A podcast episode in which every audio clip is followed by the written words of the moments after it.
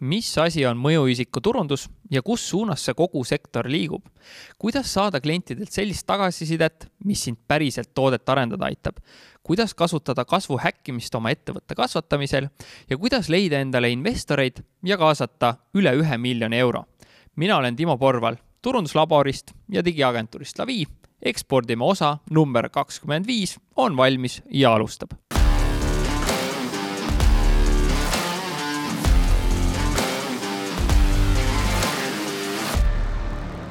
enne veel, kui läheme saate juurde, siis tule otsi Facebookist üles grupp Ekspordime ning tule sinna liikmeks, siis sa saad alati teada, kui uus osa ilmub. ja kui sa kuulad täna seda podcast'i, siis tea, et tegelikult on olemas Youtube'is ka videod, otsi sealt üles Ekspordime Youtube'i kanal, vajuta subscribe ja saad samuti alati teada, kui uus osa on väljas. Läheme saate juurde täna on külas mees, kes on hariduselt insener ja tal on äh, teadmiste pagas nii äri kui tehnoloogia maailmas. mistõttu suudab ta pidevalt seoseid äh, leida ja uusi ideid genereerida. täna keskendub ta põhiliselt tootedisainile, innovatsioonile ja kasvu häkkimisele.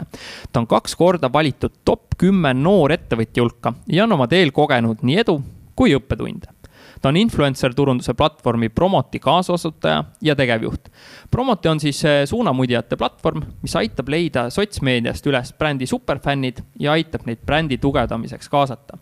Promoti platvormil on tehtud üle kümne tuhande koostöö ning seda kasutab üle nelja tuhande turundaja kaheksas riigis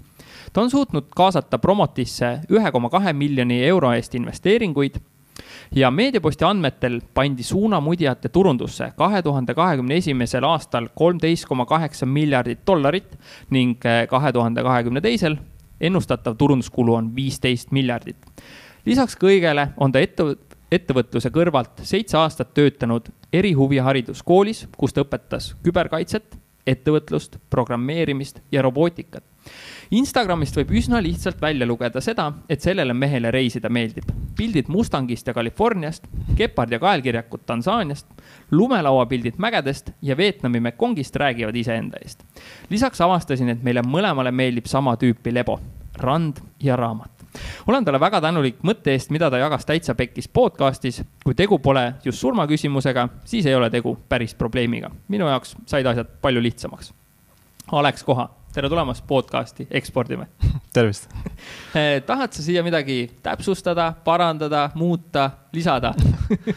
see oli päris hea research, et ma polegi ise niimoodi ennast nagu kokku võtnud, et see oli päris äge, et eh, ma ei tea, ei ole midagi isegi sinna lisada, et see oli väga täpne no ühe numbri võib-olla küsiks, et eh, kui palju teil erinevaid suunamudjaid teie andmebaasides täna kokku on? kokku tegelikult andmebaasis on meil üle seitsmekümne tuhande ja nüüd meil on ka võimalus globaalselt kõiki influencer eid otsida et tegime ühe lisauuenduse, et see on nüüd meil subscription teenusena, et siis see, see nagu enam ei ole piirajaks, aga ütleme, niisugune aktiivsemad on niisugune viisteist tuhat, kes nagu käivad ja vaatavad väga äge. ma korra põgusalt küll seda promotit kirjeldasin, aga kellele see on ja mis probleemi see lahendab? ja, et äh, influencer turundusega oli, noh, alguses, kui me alustasime ka, siis äh, me tahtsime ka läbi influencer turunduse alustada ja siis ma hakkasin seda käsitsi veel äh, tegema seal ja otsima neid inimesi, et kes võiks siis nagu meie sõnumit levitada, kui me alustame. see niisugune manuaalne kaevamine, et see võtab ikka roppu moodi aega ja siis on veel see kogu läbirääkimisprotsess iga inimesega eraldi, et kas sa tahad, kuidas, mis tingimustel ja siis, kui sul neid nelikümmend tükki seal on, siis sul lõpuks on, on suur segapudru ja kapsad. siis mõtlesingi, et saame seda nagu aega kokku suruda ja siis me vaatasime, et noh, see iseenesest ei ole mingi väga uus idee, et äh, mujal maailmas tehakse ka, aga nagu lihtsalt siin maailma osas oli seda vähe ja äh, siis me mõtlesimegi, et me teeme selle nagu sel-, hoopis sellise nurga alt, et influencer'id tulevad nagu brändi juurde. sest ideaalne koostöö, kui me nagu seda, selle peale mõtlesime, siis me jõudsime sinnamaani, et see võikski olla see, et brändile meeldib influencer'ile meeldib. et see, mille eest tihti influencer'i turunduses puid pannakse, on see, kui keegi kinni makstakse, siis ta on lihtsalt mingi see toode, aga tegelikult ei meeldi, vaata. et siis me mõtlesimegi, et seda me ei taha, et me tahame, et oleks need nagu lahedad koostööd, kus mõlemale poolele meeldib ja ongi kasulik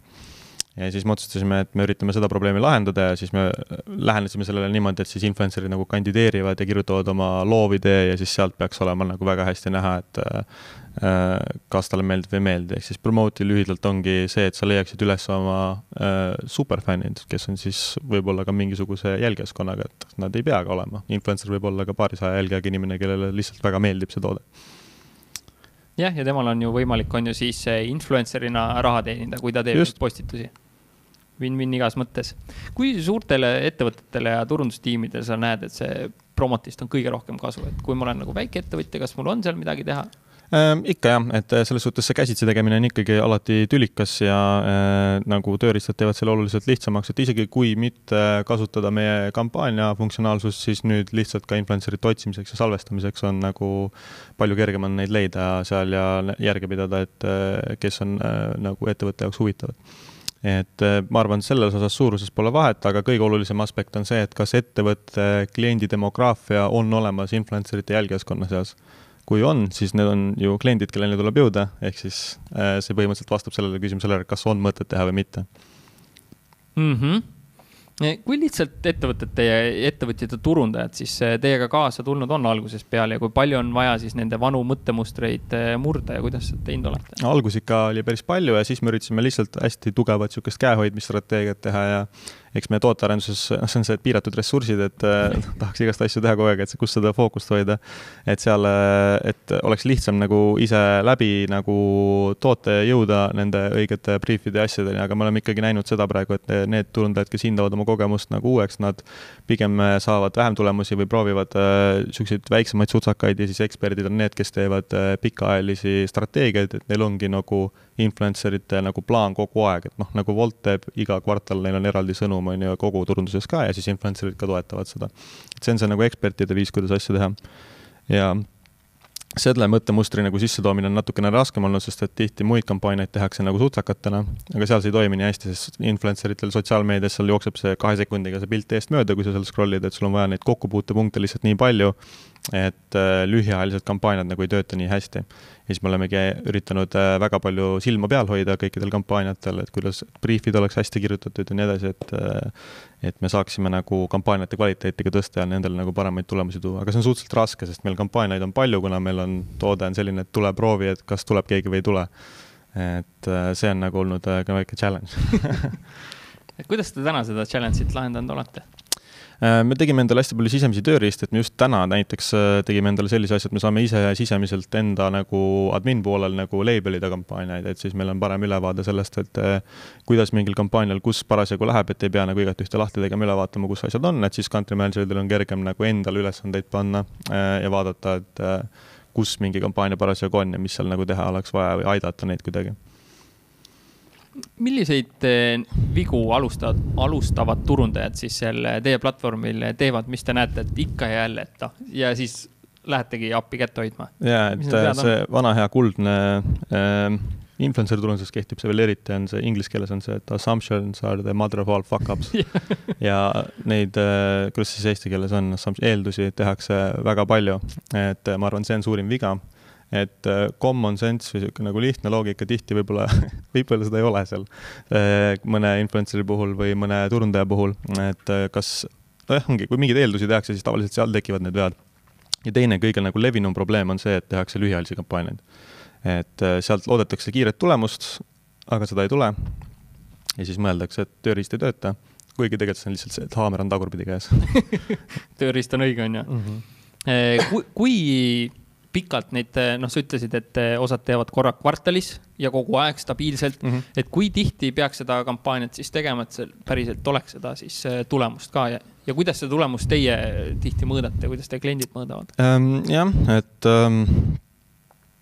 see tihedus sõltub väga tegelikult influencer itest endast, kellega koostööd teha et nendel on oma nagu graafikud, sinna ei tasu rohkem eh, asju üritada sisse suruda ja kõige nagu mõistlikum strateegia ongi see, et nagu tihti öeldakse, kutsutakse neid ambassador programmideks, me oleme seda always on strateegiaks kutsunud, et sul ongi kogu aeg nagu tiim influencer eid, keda sa kasvatad. sul mingid mõõdikud, mida sa vaatad ja kui nad nagu toimivad, siis neid tasub seal hoida, kui nad ei toimi enam, siis tasub nagu välja vahetada. ja kuidas neid mõõta, et seal on erinevad asjad, et kui on e-commerce, siis tasub kindlasti ROID mõõta, see on koht, kus on seda kõige kergem teha. igal pool mujal on seda palju keerulisem teha. siis võib muid mõõdikuid võtta, kas või reach'i või engagement'i, mis on siis kaasatus või kui kaugele postitus levib ja vastavalt siis sellele ka tasub eesmärke seada, et näiteks eh, millele paljud ei mõtle, on see, või noh, millele paljud mõtlevad, on see, et võtaks võimalikult palju erinevaid influencer eid, et saaks erineva jälgijaskonna kattuvuse. see on hea strateegia siis, kui tahta võimalikult suurt levikut. kui tahta võimalikult suurt kaasatust, et just inimesed nagu sama sihtgrupp näeks seda palju, siis tegelikult tasub just kattuva jälgijaskonnaga influencer'id võtta, siis sa saad rohkem neid äh, touch point'e samade inimeste feed'i et äh, seal on hästi palju niisuguseid väikseid nüansse, mida tasub planeerimisel arvestada, aga kõige lihtsamad asjad, mida alustavad turundajad saavad teha, on see, et pikaajaliseks strateegiaks kohe või esimese asjana ära valideerida, kas on mõtet teha, et kas jälgijaskond on seal või nagu mm -hmm. see mhm. demo äh,, kliendi demograafia eksisteerib seal, kui on, siis äh, pikaajaline strateegia äh,. eks ettevõtetel on ikka see, et kõiki kanaleid ei jõua kasutada, mingi kanal töötab kõige mm -hmm. paremini ja influencer'id äh, tihti ähm,, kui on ähm, mitte otseselt müüki mõõdetavas olukorras on ta pigem toetav, äh, ka vist ma ütleks, ma ei ole sada protsenti kind-, sada protsenti kindel, aga tundub, et Woldi jaoks on ta ka näiteks toetav turunduskanal, mitte põhiturunduskanal aga osade e-commerce kanalite jaoks näiteks nagu äh, Gymshark ja sellised Daniel Wellington, nende jaoks on see võib-olla isegi põhikanal, kus nad oma müüki nagu kasvatavad. Eh, korra uurin seda ka, et eh, seesama, et kui ma pikaajaliselt nende influencer itega nüüd eh, töötan, kas seal on selline äh, suhete haldamiseks ka on see platvorm hea, et noh, ma saan kirjutada ja saata neile mingeid tooteid, ilma et nad peaks sealt mingeid postitusi tegema või ta on ikkagi sihuke kampaaniapõhine, et kui mul on jälle uus kampaania tulemas, siis ma panen üles. jah, et praegu on meil äh, see äh, kampaaniapõhiselt ikka ehitatud, mis võib-olla mingil määral soosib ka neid lühikampaaniaid, et meil on plaanis ka täitsa sihuke influencer CRM-i stiilis äh, funktsionaalsust sinna juurde arendada. Äh, nüüd saab juba ka liste teha ja listide puhul siis sealt saab otse kutsuda ka kampaaniasse, et kui ongi näiteks meil need influencer'id, kes on kuskil listis mingi toote jaoks, siis on võimalik uus kampaania teha ja siis nemad kõik kohe sinna kutsuda ja siis niimoodi nagu jätkata. et iseenesest on praegu täitsa võimalik. jah mm. -hmm. oskad sa ja kas sa saad mingi sellise e-kommertsi ROI kampaania tulemustest rääkida, et mm, -hmm. et võib-olla ei pea mainima, kes ja täpselt mm -hmm. nagu oli, aga, aga mis need tulemused on, et mõned kuulajad, kellel on täna e-pood e, siis hakkaks mõtlema, et vau, tegelikult on niisugune võimalus olemas ja see päriselt nagu aitab müüki saada. ja, et see on niisugune suht, me tegime, me oleme paar korda teinud niimoodi, et kliendiga koostööd ja mõõdame, muidu tavaliselt me neid andmeid ei saa. et meil on küll mõned näited ja see on niisugune väga niisugune adrenaliinirohke on vaadata neid tulemusi, sest et seal on, ongi näiteks niimoodi, et ähm, ühes, äh, kus oli lõpp, kogu kampaania lõpptulemus oli positiivne, see oli äkki kahe- või kolmekordne äh, ROI äh, ja siis erinevus on selline, et on näiteks kaheteist tuhande jälgijaga influencer, kes müüb kolm toodet, on kahe tuhande jälgijaga influencer, kes müüb kaheksakümmend toodet jõhker ju. jah, et see vahe on väga suur ja see võib, on olnud ka siukseid, kus on täpselt niimoodi, et on võrd-, võrdsed profiilid, võrdne kaasatuse tase, kõik pealt vaadates, kui numbreid vaadata, on võrdne. üks müüb viis, teine müüb seitsekümmend. et äh, seal on hästi niisugune raskesti hinnatav aspekt sees, mis on siis see, et kuidas jälgijad klikivad sellega, kuidas see kuidas nad suhtuvad sellesse konteksti, kui on see influencer, räägib oma lugu selle tootega seoses, et kui see on nagu hea personaalne lugu ja seal on nagu see klikk on palju parem, siis see müük on ka parem. kui see on natukene väike disconnect, siis see võib väga halb müük olla et äh, seda on enne peaaegu võimatu hinnata, ehk siis see influencer'i turundus on väga, seal on, äh, mida algajad ka tihti kardavad teha, on seal on eksperimenteerimise eelarvet äh, tuleb panna lihtsalt, et seal tulebki proovida, et tema tundub hea kõikide numbrite põhjal, kas tuleb või ei tule, kui ei tule, siis ei jätka, kui tuleb, siis väga lahe, läheb tiimi ja nii edasi, kogu aeg rekruididki juurde ja teed nagu, see on nagu väike katseülesanne, et kas ta müüb või ei müü. Mm. -hmm, jah, ja turunduses ongi tegelikult ka väga palju katsetamist. jah, vägev oleks see, kui nendel influencer itel oleks see tag küljes, et dollari märk, et kes eriti hästi tavaliselt müüvad, et, et see ka nii-öelda jälgijaskonna suurus polekski, vaid on see, kellel on palju dollarimärke küljes, kes Kus päriselt suures, aitavad müüki teha, noh. meil on plaanis, et Väga, äh, meil on arenduses praegu Shopify'ga integratsioon ja tuleb ka WooCommerce'iga, et need, kellel e-poed on Shopify või WooCommerce'i peal, siis varsti tuleb võimalus äh, influencer'ite anda tracking linke ja siis äh, me saame koguda informatsiooni, kes nagu müüb hästi ja siis me plaanime seda teha Te juba olete, ma mõtlesin, et mul oli geniaalne mõte, aga sa juba oled ammu oma mõtetega ees. aga kuidas täna see müügi track imine käib, on see kupongipõhine, on see nende linkide põhine või, või kuidas see asi käib? nii et mina saaks ettevõtjana pärast aru, et eh, vot, influencer eh, üks tõi mulle rohkem müüki kui influencer kaks, kolm ja neli. jah, et praegu me selle poolega omalt poolt ise otseselt ei tegele, me ainult konsulteerime, äh, aga kuidas tehakse, ongi siis sooduskood, äh, kas siis Bitly või UTM tag'iga link, äh, kus saab siis jälgida ja ähm, oota, mis veel variandid on seal? Äh, need on põhilised, äh, discount code on kõige niisugusem robustsem ja linkidest on siis ülejäänud, et saab vaadata Google Analytics'is pärast mm. -hmm. väga äge Teie toote puhul on nii, et ettevõtja tahab saada, on ju, influencer eid ja influencer'id kohe endale kliente, et kuidas te alguses sellise muna-kana probleemi lahendasite, et justkui pole ühte ilma teiseta? Ja, et see on alati raske, et see on siiamaani raske, et äh, see balansseerimine marketplace ides on alati probleemiks, et me alustasime niimoodi, et me mõtlesime, et me võtame influencer'id enne ja siis noh, nemad on võib-olla valmis kauem ootama, kui see hetk klient tuleb ja tahab kohe osta ja siis nagu kedagi pole. ja me tegime sellise asja, et äh, me planeerisime alguse toote nagu viraalseks viia ja me tegime niisuguse viitamissüsteemi, et kui sa kutsud sõbra, siis me äh, oma siis vahendustasust, kui nemad saavad äh, postituse, anname siis nagu referral boonust, noh nagu Uber või Bolt annavad äh, selle viie eurise äh, tasuta sõidu. et äh, ja sellega läks nagu hästi, et siis, kui me launch isime, siis meil läks ühel nädalavahetusega saime mingi kaheksa tuhat kasutajat kohe et äh, alguses me ei arvanud, et see nagu õnnestub. mõtlesime, et äkki paarsada saab, siis on juba hea, sealt saab ehitama hakata aga ületas kõiki ootusi, et see hetk nagu, kui me selle launch'i ära tegime, siis tunni aja pärast oli juba stabiilselt mingi paarsada inimest kogu aeg lehel ja siis vaatasime, et vau wow,, okei okay.. siis ma vastasin terve nädalavahetuse, mingi seitsekümmend kaks tundi lihtsalt kogu aeg eh, mingi support meilidele, et kuidas mingid asjad töötavad, värki, varsti tulevad kampaaniad, pole hullu et see oli päris sihuke lahe algus. ja sel ajal sul nii suurt tiimi ka ei, ei olnud nagu täna, et tuli ise neid kõiki email'e vastata ja kirjutada? jah, kahekesi tegime, et siis oli, siis oli päris huvitav jah kui sa Promotit arendama hakkasid, oli kohe mõte teha see asi laia maailma või teha koduturule selline tööriist? mõte oli tegelikult alguses teha ainult Eestisse nagu sihuke väike platvorm, mida me kahekesi haldamegi ja, ja siis me hakkasime nagu, noh, see oli enne, kui me nagu reaalselt planeerima hakkasime, siis me rääkisime lihtsalt ideedest ja siis, kui me valge tahvli peal seal lappama hakkasime, siis me mõtlesime, et no tegelikult võiks Eestis alustada ja siis vaatame edasi, et nagu me mõtlesime kindlasti, me tahame seda lokaalset lähenemist teha. tagantjärgi võib-olla see ei olnud kõige õigem variant, sest lokaalne lähenemine on hästi kallis.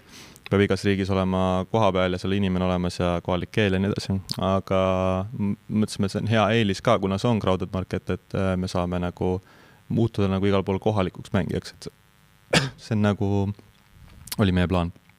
mm. -hmm. korra tulles selle tootearenduse juurde, et eh, kuidas see esimene prototüüp vastu võeti ja kuidas seda täiendasite ja kui palju te üldse muudate ja kui palju on tulnud muuta siis tänu eksportturgude tagasisidele seda? mm,? jah, et meil oli kindlasti väga palju asju puudu, et meil oli väga sihuke basic MVP, mis, mis nagu oli ka plaan, et ürit-, noh, me ikka kuuled seda, et äh, tee kiirelt valmis, kohe turule feedback ja siis iterate on ju. me tegimegi nii, ainuke vahe oli see, et me programmeerisime kohe esimese versiooni valmis ja siis läksime sellega. et me ei teinud veel seda, kus sa teed mock-up'i, testid seda ja Aha. siis seal itereerid kiirelt ja siis arendad, et see oli nagu üks sihuke väike viga, mis, noh mitte väike viga, aga võttis aega natukene, et äh, sellest aru saada ja nüüd me nagu teeme seda rohkem, et ehk siis tegelikult äh, me oleme väga nagu feedback'i kesksed olnud äh, oma kogu arendustes ja me sisuliselt oleme peaaegu kõik asjad, mis me sisse oleme pannud, on tulnud nagu klientide või influencer ite feedback'ist, et on ka osasid asju, mille peale me oleme ise tulnud, aga võib-olla rohkem mm, admin ja back-end poole peal, mis on nagu asja paremaks teinud mm,. aga üldiselt see sisend nagu isegi võib-olla riigiti väga ei erine,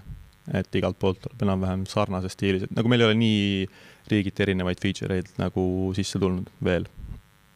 kuidas te seda tagasisidet eh, korjate ja süstematiseerite ja, ja kuidas siis sellest saab selline backlog'i, mida siis hakatakse tegema ja? ja et äh, testimise faasis äh, me teeme Figma mock-up'e, siis teeme ka customer interview sid, kirjutame notes'id ülesse ja siis need lähevad äh, meil tootetiimi, kes siis muudab need konkreetseteks nagu arendustask ideks ja siis prioritiseeritakse need seal ära. kasutame niisugust asja nagu ClickUp selle manageerimiseks, alguses oli Masanas, aga ClickUp tundus äh, nagu rohkema funktsionaalsusega ja vähem piiratud. ja siis no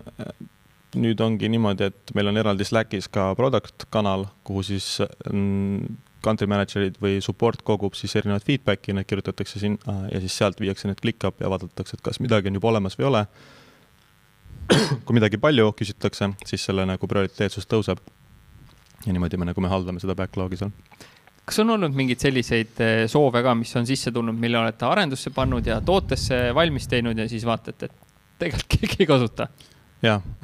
kuidas vältida, kuidas sellist olukorda vältida või, või mis te ise nüüd muutnud olete enda protsessides? ma mõtlengi, et äh, võib-olla isegi ei tea, kuidas seda vältida, et nagu mingid asjad on siuksed, et äh,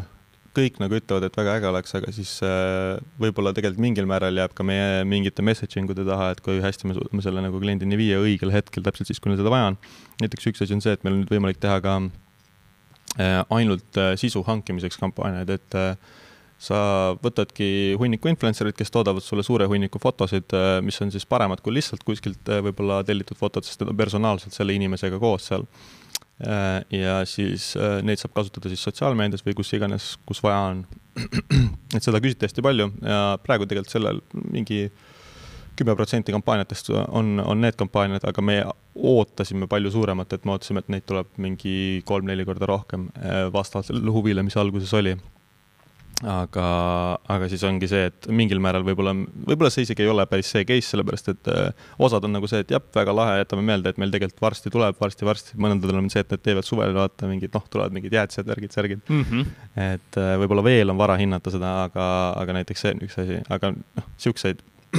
väga suuri siukseid arendusi, mis on need, mida keegi ei kasuta, siukseid meil ei ole nagu otseselt olnud aga see sisu hankimise mõttes, see tundub mulle kui turundajale ka hästi hea ju lahendus, et ise sa ei jõua pildistada ja seesama, nagu sa ütlesid, et sa saad mm -hmm. nagu autentsema materjali tegelikult sealt kätte, on ju. ja, et see on väga hea, et noh, kõik, kes tegelevad sotsiaalmeediaga, teavad, kui raske on äh, välja mõelda kogu seda sisugraafikut ja mida postitada, et see kõik väärtuslik oleks ja nii edasi, et tegelikult influencer itelt seda outsource ida on ülikõva, et äh,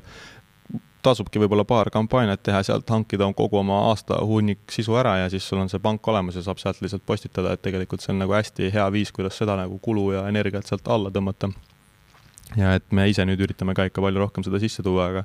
eks on nii palju erinevaid sõnumeid, mida kogu aeg viia kliendini, et siis on see, kuidas seda, mis vaega nagu balansseerida, et, et nagu liiga palju ei tuleks korra küsin ka, et kas see sisu on äh, pilt või see on pilt pluss tekst või tekst või kuidas? praegu ta on äh, pilt pluss tekst või video. Äh, tegelikult praktikas võib ta ka puhtalt teoorias kopi alla, et meil küll toote funktsionaalsus on nii üles ehitatud, et seal peab vähemalt pilt või video olema, aga kui tahtagi lihtsalt copy't, siis võib öelda, et upload'i mingi must ruut ja kirjuta meile mingi hea tekst või mingi quote või midagi. aga seda ei ole veel tehtud, et üldiselt on olnud kõik pildid või videod praegu kuidas see, need osakaalud selle pildi ja videomaterjali vahel on, et palju need influencer'id valmis eh, videot täna tootma? pildid on eh, pigem rohkem levinud, et siuksed nagu mm, Youtube'i stiilis videosid, mis on siuksed pikemad ja hästi produtseeritud, neid on väga harva.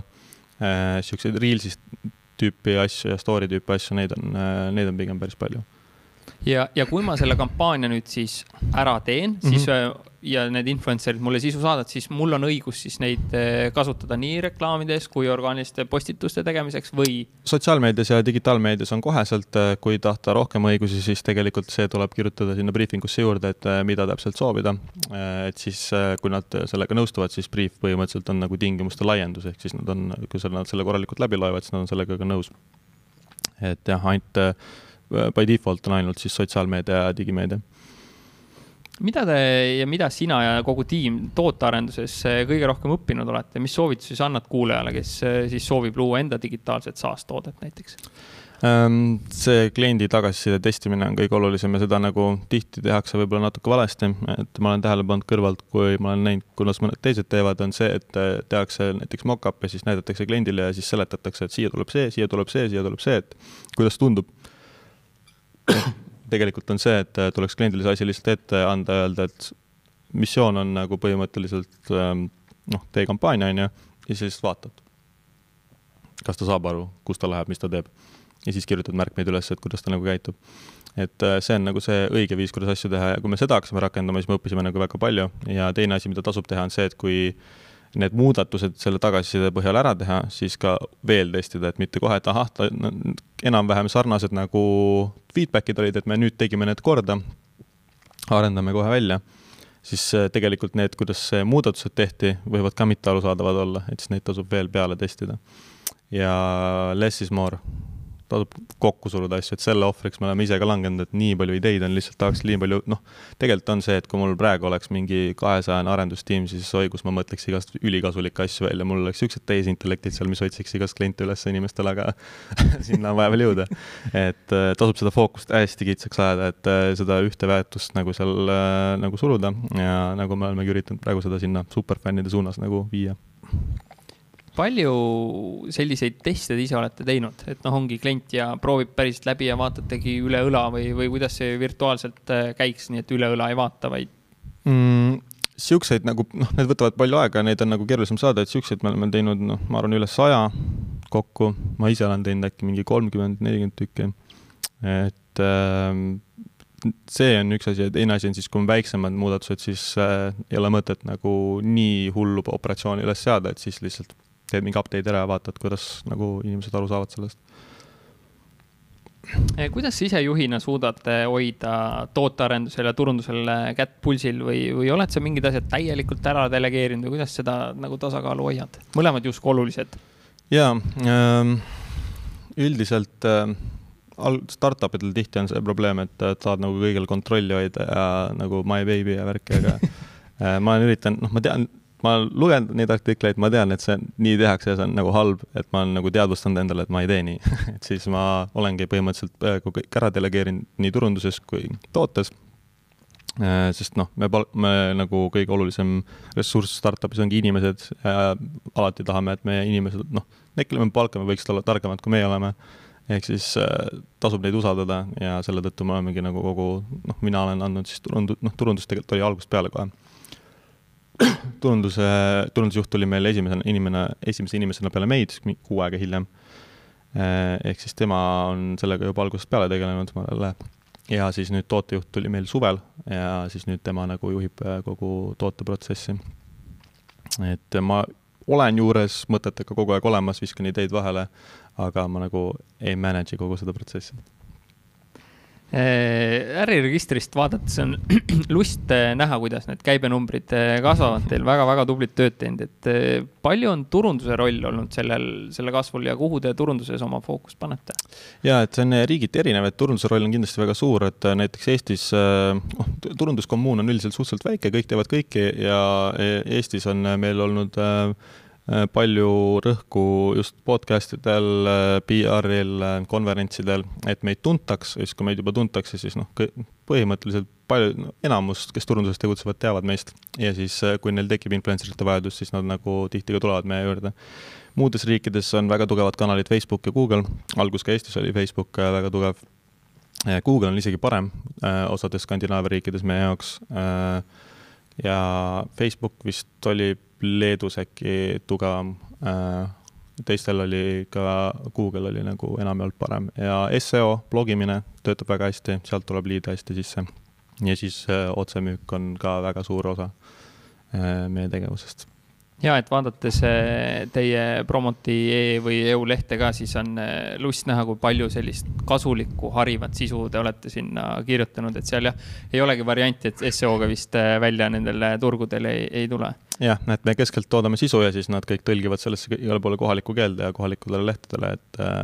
et see on jah, ka hästi suur asi, mis turundus teeb ja see on ju vägev võimendus ka selle artikli kirjutamise seisukohalt, et lood selle ühes keeles valmis ja siis just. tõlgite kaheksasse keelde, on ju. just, just, just. Eh, millist tüüpi reklaami te tegite Facebookis ja, ja Google'is, et mis see sellise kõige parema ROI teile tõi, et mm. eksportturgudel just, et? Google'is search'i reklaamid ähm, ja Facebookis üldiselt äh, feed ja Instagrami omad meil ei ole väga hästi töötanud minu teada, kui ma õigesti mäletan et äh, tavaline harilik viidikas on, äh, on kõige nagu paremini tulemusi toonud. ja pilti või videot äh,? pilt ja tekst, jah mm. -hmm kuidas te eksportimiseks turge valite, millise mudeli abil te sinna järjest laienema olete hakanud, et vaatasite nii, nüüd on siit Eestist võiks edasi liikuda, kuidas te otsustasite? Lähme Soome, lähme Lätti või võtame mm, -hmm. ma ei tea, India just, et meil äh, siin äh, alguses oli geograafilise nagu äh, äh, eelise saamise eesmärk, et äh, tihti kõrvalriikidesse turundatakse hästi palju, et kui me Eestis alustasime, küsiti hästi palju Soomet, küsiti hästi palju Lätit. Lätis küsitakse hästi palju Leedut ja nii edasi. üldse suured ettevõtted äh, kohtlevad Baltikumiga ühte riiki, ehk siis kui me ei ole Leedus, siis me ei saanud paljusid suuri kliente, kes läksid ühe konkurendi juurde, nüüd me saame sealt neid vaikselt üle tuua ja Skandinaaviaga samamoodi, et seda ristturundamist on hästi palju, et siis me saame olemasolevate äh, klientide pealt ka nagu väikse võimenduse. ja kui meil tekib nagu geograafiline eelis, kuna meil on niisugune lokaalne lähenemine, siis me kindlustame sellega oma nagu positsiooni päris hästi.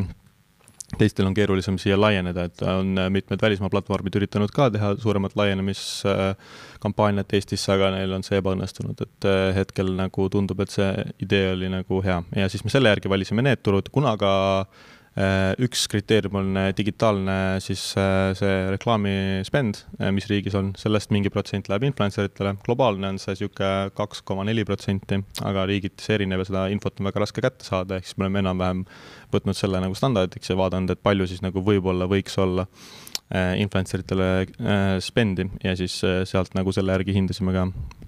ja, ja siis India jah, see oli ka Äh, huvitav, huvitav lähenemine, et äh, see on nüüd äh, tuli kuidagi, meil on investor on, üks põhiinvestorid on tegelikult India juurtega ja tema tutvuste kaudu me seal tegelikult alguses olid teised plaanid, tahtsime neile enda, enda platvormi siis müüa ja tutvustada ja siis sealt läksid nagu jutud edasi ja nüüd on see hoopis suuremaks projektiks kujunenud, et need koos nendega siis plaanime ka Indiasse laieneda see aasta. kui, kui sa saad rääkida, mis see Indiasse laienemise plaan endast kujutab või mis ärimudeli abil te sinna lähete? ja, et äh, ärimudel on äh, üldiselt sama, et äh, meil on siis subscription ja siis vahendusteenuse põhine siis mudel et äh, aga see töötab niimoodi, et meil on seal äh, India nagu tiim, äh, kes tegelikult opereerib eraldiseisva ettevõttena ja siis meie nagu investeerime oma tehnoloogia litsentsina siis neile sinna regiooni kasutamiseks ja siis meil on põhimõtteliselt ühis, ühisettevõte. ja sa, nemad on juba seal kaasanud selle jaoks korraliku summa raha, et seda sinna viia no see kõlab äh, kõikidest nendest eraldi ka juba väga põnev äh, lugu, nii et ma arvan, et me saame siinsamas tooli peale kokku sihuke aasta-pooleteist või kahe pärast ja räägime, mis sellest India värgist sai ja, ja võib-olla see on mudel, millega te võtate kogu maailma üle. loodame küll jah, et see on äh, sihuke white label lähenemine, et me anname oma tehnoloogia Äh, kasutaja, vaatame, kuidas see töötab, et tegelikult see idee on meil ka praegu juba laual olnud teiste brändidega, et ähm, kui ongi mingi agentuur, kes näiteks äh, haldab hästi palju influencer'id, neil on oma influencer'id, või suur bränd, kellel on äh, influencer'ite programm, siis see on nagu CRM nende brändinguga, et me suudamegi pakkuda näiteks noh, näiteks Red Bull ei ole meie klient, aga hea näide alati on see, et Red Bullil on need oma Red Bull athlete'id siis äh, põhimõtteliselt oleks võimalik luua äh, meil väga kiirelt Red Bullide nagu athlete äpp, kus nad saavad kogu oma koostöid ja lepinguid ja kõike raha nagu hallata. et see muudab nende haldamise väga lihtsaks keskselt ja see võib olla nagu isegi uus mudel, millega me saame veel paremini sellele turule sisse nii et kogu aeg mõte töötab, et äh, ja. mida vähegi teisiti ja paremini teha saaks. just Eh, sa korra mainisid, et konkurentide juurest eh, ka tullakse üle, et eh, mis need põhjused on, mida need inimesed ise ütlevad, et miks nad siis üle kolivad konkurentide platvormide juurde? no jah, seal on see, et äh, mingil määral on raske konkureerida, sest nagu räägitakse, et äh, pead kümme korda parem olema, et kõik üle jookseksid, et et seda on nagu keeruline midagi nii crazy't välja mõelda, et see juhtuks, aga mis meil on, on meil on väga hea äh, kliendi nagu support. Äh,. me üritame väga personaalselt läheneda ja mõtleme kaasa alati, kuigi nagu see mm, ei ole nagu mingil määral, noh, me oleme ka seda teenust pakkunud ja me pakume seda teenust äh, suurematele klientidele, et me reaalselt olemegi kampaania juures abiks ja nagu pakume ka teenust selle osas, aga me üritame ikkagi ka väiksematele klientidele nõu anda ja vaatame üle, et nagu see personaalne lähenemine tihti väga meeldib äh, neile ja, ja tegelikult ka äh, to-, meie tood-, noh, mis me tagasisidet klientidelt saanud oleme, kes on üle tulnud, räägivad lihtsalt, et äh, jube mugav on mm. -hmm. et teistel on võib-olla olnud mingisuguseid probleeme ja tõrkeid seal, siis äh,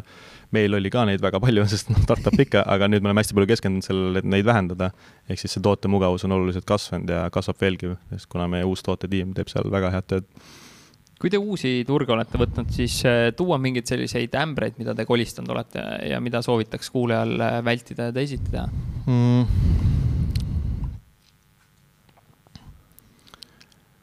Meil töötas meie ah,, ja meie laenamise mudel, millest me enne ei rääkinud, on see, et äh, samamoodi nagu Eestis, et me kogume kõigepealt kokku äh, hunniku influencer eid, kes võiks nagu olla huvitatud, me nagu kirjutame neile eraldi ja siis äh, kui me lansseerime, siis me laseme läbi nende nagu sõnumi liikuma ja siis äh,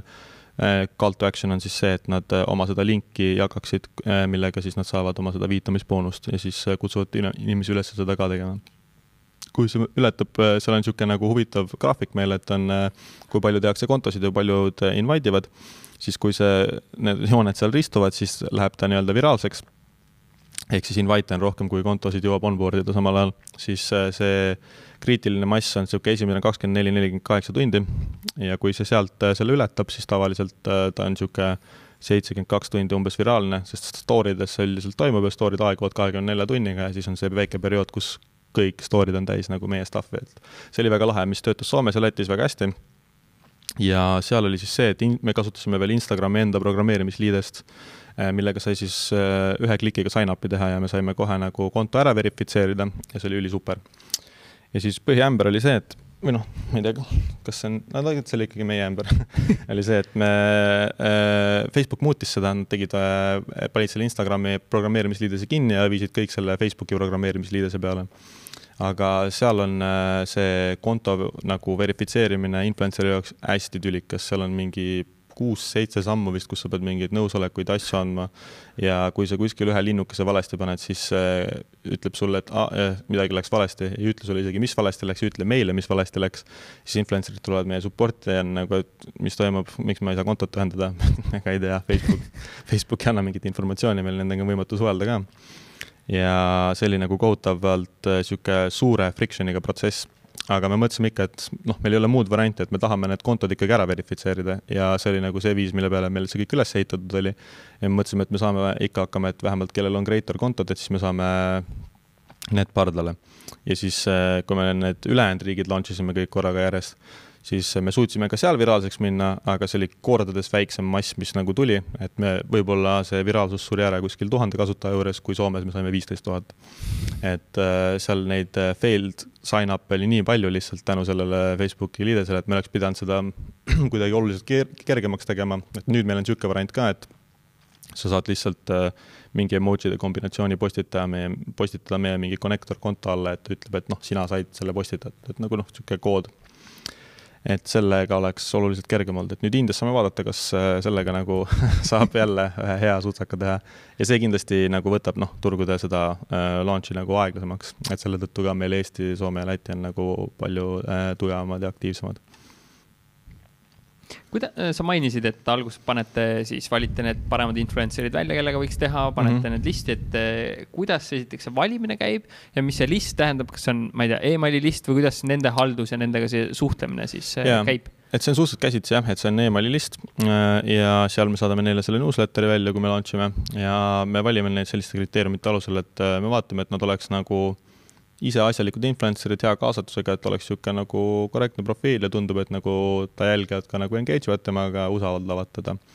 ja siis äh, me üritame neile selgeks teha, kus me oleme, kes me tuleme, mis me teha üritame ja kui neile meeldib see, mida me teha üritame, siis me nagu kutsume nad sellesse nagu algsesse nagu launch'i programmi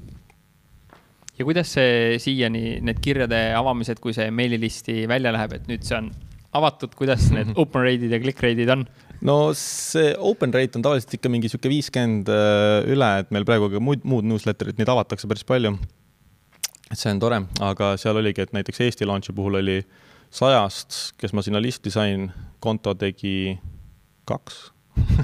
ja? ja kahest saime viraalseks, et piisas sellest, et üks nendest postitas, tõi neli kontot, need postitavad oma lingi ja sealt lihtsalt hakkas minema ja osades riikides ongi, näiteks vist oli Leedus niimoodi, et äh, seal tegi ka konto mingi kümme tükki äkki. üks postitas, sealt ei tulnud kontosid ja oligi flatline, ei tule midagi. ja kuskilt kaks-kolm päeva lihtsalt me hakkasime kutsuma ühekaupa inimesi, et tule ja tee, tule ja tee. kuskilt äh, paar päeva hiljem saime ühele pihta, kes siis kutsus mingi seitse, tema nagu link nagu toim-, noh, nagu see enne rääkisin, et e-kommertsis, et üks müüb kaks toodet, teine müüb seitsekümmend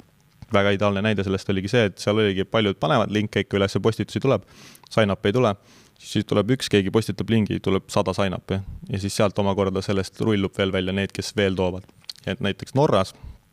või oli see Rootsis oli, ai, üldse oli Taanis tegelikult üldse, tuli meelde mm -hmm. et äh, oli niimoodi, et ka ei tulnud, ei tulnud, ei tulnud, siis tuli üks, postitas, tuli tuhat nelisada kontot ühe lingi pealt et äh, see oli metsik nagu rullumine, mis sealt sisse tuli ja siis sealt hakkas nagu ketrama ja ongi, et sa saad selle ühe nagu nõksu üle künka ära, kui selle ära higistad, siis ta nagu läheb viraalseks ära. et äh, see on nagu väga huvitav sihuke äh, lahe nagu asi, sest me suutsime lõpuks ta ikkagi tegelikult kaheksa korda sinna ko kohta viia, kus ta nagu vähemalt äh, nelikümmend kaheksa tundi oli viraalne kuidas te seda inimest, kes selle tuhat nelisada kontot lõi, kuidas te teda täna hoiate? kuidas te temaga suhtlete, et tundub nagu väga hea kontakt. ja me saatsime talle siin igasuguseid jõulupakke ja asju, et äh, ta seal äh, vaikselt tegutseb, et me ikka hoiame silma peal väga tubli, hoiate enda superfänne samamoodi. just, just, et meil oli just siin üks hea äh, projekt jälle, et tegime siuksed äh, äh, need mm,, mis need on, cupcake'id äh,. Muffin, ei. Need on tassikoogid yeah., jah, äh, tassikookidega koostöös ja siis äh, viisime oma ka äh, kõige nagu parematele klientidele, kes on meil kõige aktiivsemad ja siis influencer itele, see oli ka niisugune väga äge projekt, et saime palju ka tagasisidet jälle selle kohta, et kuidas me oleme kedagi aidanud. et tegelikult enne, kui me nagu turule tulime Eestis, siis väiksematel tegijatel oli suhteliselt keeruline saada diile ja nagu me oleme selle nagu neile võimalikuks teinud, mis on nagu äge sul on väga palju mõtteid nii toote osas kui turunduse osas, ma ei saa kohe mitte küsimata et kuidas te neid influencer eid ja kliente veel hoiate, et eh, lisaks eh, see, et mingid jõulupakid, mingeid häid mõtteid eh, kuulajale, kes saaks enda klienti hoida ja tast päriselt selle superfänni kasvatada?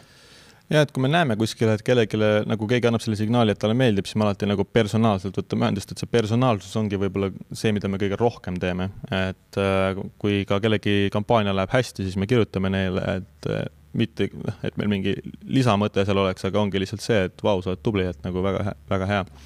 et tasub seda nagu head positiivset nagu suhet ehitada, et siukseid cupcake'i projekte teeme ka vahepeal, aga üldiselt lihtsalt, et nagu see suhte ehitamine ja nagu hea suhtlus, et me üritame alati olla siuksed hästi positiivsed ja nagu, et noh, selline vibe, et nagu nad julgeks meile kirjutada, kui midagi on ja et me saame nagu aidata sa mainisid, et te kirjutate või on see läbi mis platvormi te kirjutate või kuidas seda personaalsust veel? see on äh, manuaalne jah, et äh, ongi, vaatame case by case, et äh, kõiki kampaaniaid me vaatame mingi iga perioodi tagant üle, mingi iga paari päeva tagant ja siis oleneb, mis seis seal on või kui mingi influencer'il on mingi mure, lahendame seda ära, et me oleme alati noh, näiteks noh, seal on risk alati see näiteks, kui tootekampaaniat teha ja tooteid saata võib-olla keegi just tegi konto, me ei tea veel, kuidas ta käitub ja panebki tooted pihta ja jookseb minema niisuguseid asju on juhtunud, et äh, aga noh, see on jällegi sama risk, kui sa teeksid seda manuaalselt. et äh, seda on, see lihtsalt on ja me oleme alati nagu kliendi ja influencer'i poolel. Et meil ei ole mitte kunagi olnud ühtegi influencer'it, kes ei ole tasu saanud, isegi kui klient pole maksnud, me lihtsalt katame selle enda poolt ära. Ja kunagi ei ole olnud ühtegi klienti, kes oleks mingi toote või midagi kaotanud ja et me ei oleks kuidagi nagu enda poolt seda korvanud, et meil ei ole nagu kohustust seda nii-öelda kindlustust neile pakkuda, aga äh, me nagu tahame seda kindlustunnet pakkuda, et see on lihtsalt nagu see, kuidas me tahame, et meid nähtaks tõeline promote experience. õige eh, sa mainisid ka, et eh, kui seal Norras algus ei läinud, siis te hakkasite kutseid saatma. läbi mille te nendele influencer itele kutseid saatsid, millised need kutsed välja nägid, et see lõpuks nagu tööle hakkas? ja käsitsi läbi Instagrami DM-idesse ja kirjutasimegi lihtsalt, et kes me oleme, kust me tuleme ja mis me nagu üritame siin teha ja sellega lihtsalt äh, üritasimegi nad saama sign up ida ja oma nagu linki postitama, et hästi sihuke lihtne häälsõnum, video või lihtsalt tekst? tekst mm. -hmm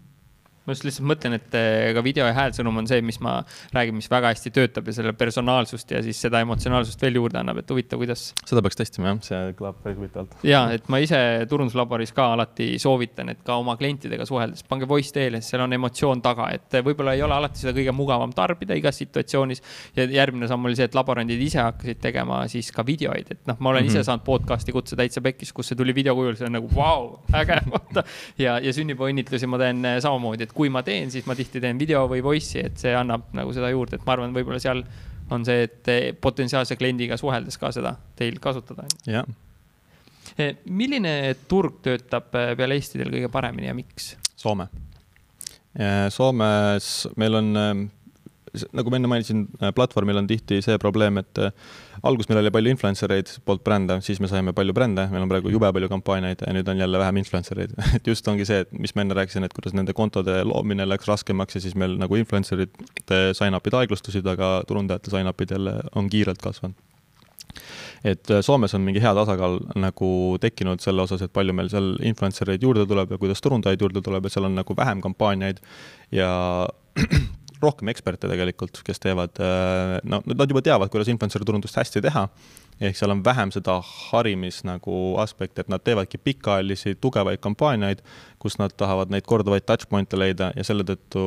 seal ka nagu hästi läheb, et äh, see on kõik selles kinni, et see on sama mingil määral võib-olla nagu kui Facebooki reklaamid alguses tulid, siis äh, ei olnud palju eksperte,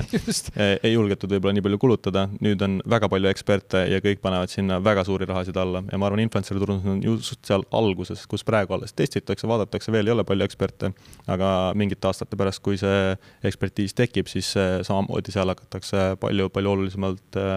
eelarvet eelarvet suunama, et kindlasti see on nagu tuleviku eh, üks põhikanaleid, sest et järjest rohkem vaadataksegi nende nii-öelda mikrokuulsuste poole, et oma informatsiooni saada ja see liigub järjest rohkem sinna nagu detsentraliseeritud meedia suunas kas ja kui palju Eestis eh, selliseid eksperte peale teie on, et noh, te aitate ka kampaaniaid teha ja seal kätt hoida. kas Eestis on tekkinud ka juba keegi, kes eh, siis neid asju teeb ja kelle poole võiks pöörduda ja nõu pidada ja konsulti osta või koolitust? ja kindlasti, äh, et Kool äh, teeb kindlasti väga head tööd, nad on juba enne meid tegutsenud. tervitused Marko Sauele ja Olesiale. et äh, nemad on väga tublid ja kindlasti Spark on, nemad teavad, mis nad teevad ja eks turundajatest on ka siin palju turundajad, kes, kes jagavad matsu. et järjest rohkem seda ekspertiisi tekib ja eks neid koolitusi ja konverentse tuleb siin järjest juurde ja ma usun, et ja ah, Boost'i rahvas ka muidugi, Sven ja. Sven ja Teet. Sven ja Teet teavad, mis nad teevad, et, äh, et äh, tuleb ja seda on hea näha, et äh, see noh, on näha olulist muudatust selle osas, mis, kui me alustasime, mis praegu on, kui palju on nagu eksperte tegelikult juurde tekkinud, kes tulevad ja teevad nagu häid kampaaniaid mm.. jah, ja meil on ju plaan ka teha turunduslaboriga koostöös Promotiga ikkagi nagu pikk kursus ja Just. sealt kindlasti tekib tegelikult hunnik eksperte ja hunnik Just. teadmisi juurde, et jah, see turu harimine on, on nagu väga-väga oluline, sest kui inimesed päriselt näevad, kuidas teha ja sealt tulevad tulemused, siis noh, miks mitte seda ühte turundustööriista on ju kasutada kui palju influencer'id teie platvormilt ära kaovad, lähevad ära, nad ei tee koostööd, kuidas te neid tagasi toote või kas te toote või mis need protsendid üldse on? me ei olegi seda nii otseselt mõõtnud, ähm, seda on nagu raske mõõta kohati, sest et nad tulevad hooti niimoodi, et äh, mõned teevad mingi perioodi hästi palju ja siis äh, nad nagu kaovad korraks ära ja siis tulevad jälle tagasi. klientidega on sama jama, et äh, osad teevad hooajaliselt, kellel ongi hooajaline toode, siis ei olegi mõtet ja siis on raske hinnata seda, et kas klient nüüd läks ära või ei läinud ära, ikka tuleb tagasi juba mitu aastat, aga nagu nii suure vahega, et hästi raske on hinnata, et millal keegi ära kaob. aga pigem kaotakse ära nagu jäädavamalt siis, kui nad kasvavad nagu suuremateks kontodeks, sellepärast et äh, neil tuleb nii palju diile lihtsalt sisse. Inbox on täis, lihtsalt kõik tahavad koostööd teha ja siis on see, et niikuinii sa ei taha tegelikult oma feed'i täis reostada, mis on õige viis, kuidas käituda. ehk siis äh, neil ei ole nagu mõtet meie nagu sadade kampaania pakkumiste osas seal äh, veel kandideerida kuskile ja siis selle osas meil ongi peame ka äh, igasuguseid ideid siin välja mõtlema ja vaatame, kuidas me nendele saame väärtust pakkuda, et et äh, me oleme mõelnud siin ka mänedžeri kontode peale ja et noh, lihtsalt, et neil oleks lihtsam seda kogu asja hallata. et äh, me ei pea neile, nende väärtu-, nendele me ei paku enam seda väärtust, et mingid uued kampaaniad, mida nad saaks proovida, vaid et nad saaks kogu asja hallatud lihtsalt. et äh, seda meil veel ei ole, et me praegu oleme veel nende väiksemate kontode nišis, aga see ongi jälle see fookuse asi, et oleks mul kakssada arendajat, siis, siis lahendaks kõik probleemid ära mm. -hmm et siinsed eh, podcast'i külalised on eh, maininud oma ebaedu Soomes, mis on teile aidanud seda nagu tagada ja, ja mis sa näed, et millega seal turul vaja arvestada kindlasti on mm,? no me alustasime ka sellega, et meil on igal turul tegelikult kohalik inimene äh, ja meil ja tegelikult inimesest sõltub väga palju, äh, kes äh, seda turgu lansseerib ja meil oli esimene inimene, kes Soomes oli oli väga-väga tugev hustler ja ta ikka seal äh, jooksis ringi ja müüs päris korralikult, et äh, meile aitas lõpuks selle, me tundsime, nagu seda on raske mõõta, et millal see juhtus, aga nagu Eestis oli mingil määral sama, et äh,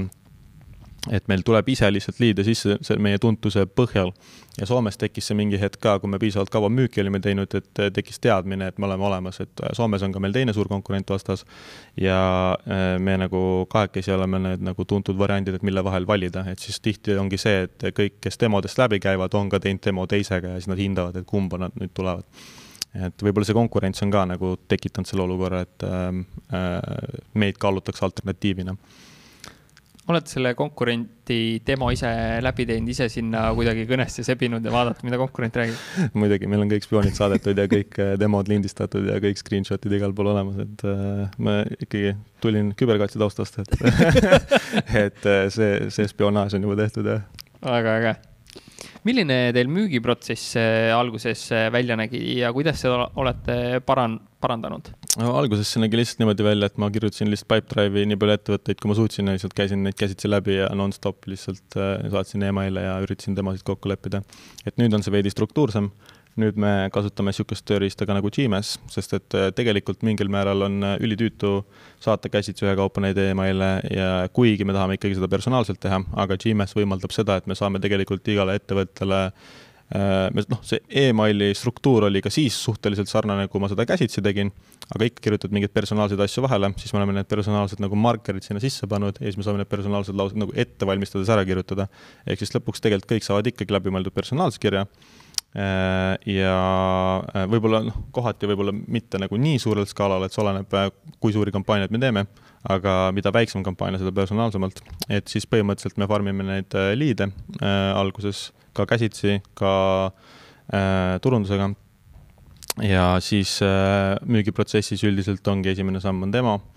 Äh, olenevalt, kui suur klient ja kui suur see diil on, kui see sealt edasi juba on siis nii-öelda kampaania kokkuleppimise planeerimine, see, kus me aitame neil seda ideed välja mõelda. Ja kui on mingid white label'i stiilis asjad, siis on juba tehnilised demod ja muud requirement'id seal taga et see niisugune müügitsükkel võib väga erinev olla, et osa, kohati ongi niimoodi, et on paar päeva ja mõndadel juhtudel on see äh, väga kaua milliste detailide muutmine selles äh, müügitsüklis ja lähenemises kõige rohkem edu toonud on mm,? ma arvan, et see suuremate mahtude võimaldamine läbi automatiseerimise on kindlasti toonud mõju, et see on numbrite mäng lõppkokkuvõttes. meil on conversion'id on suhteliselt head, et äh, sign-up'ist maksva kliendini parematel turgudel on üle kahekümne protsendi conversion ja äh, et see on lihtsalt numbrite mäng, et see, et me võimaldame, saame rohkem nagu liide sinna pipeline'i sisse panna. ma arvan, see on kõige suuremat mõju omanud ja kindlasti ka sõnumite optimeerimine, et üks hea häkk on see, et äh, kui näiteks cold äh, müüki teha või üldse ka, isegi kui see ei ole cold müük, siis hea reegel on see, et esimene meil võiks olla nii väike, et sa ei pea seda teloekraanil scroll ima, et sa näed selle kohe ära lugeda mm. -hmm. väga hea häkk. mingid häkid meenuvad veel müügi osas, mida te olete kasutanud või mida sa oma muude ettevõtmiste juures oled katsetanud ja mis töötab mm,? demode poole peal ja kõige parem on siis, kui klient räägib rohkem kui sina. et siis ta tegelikult mingil määral müüb seda iseendale maha ja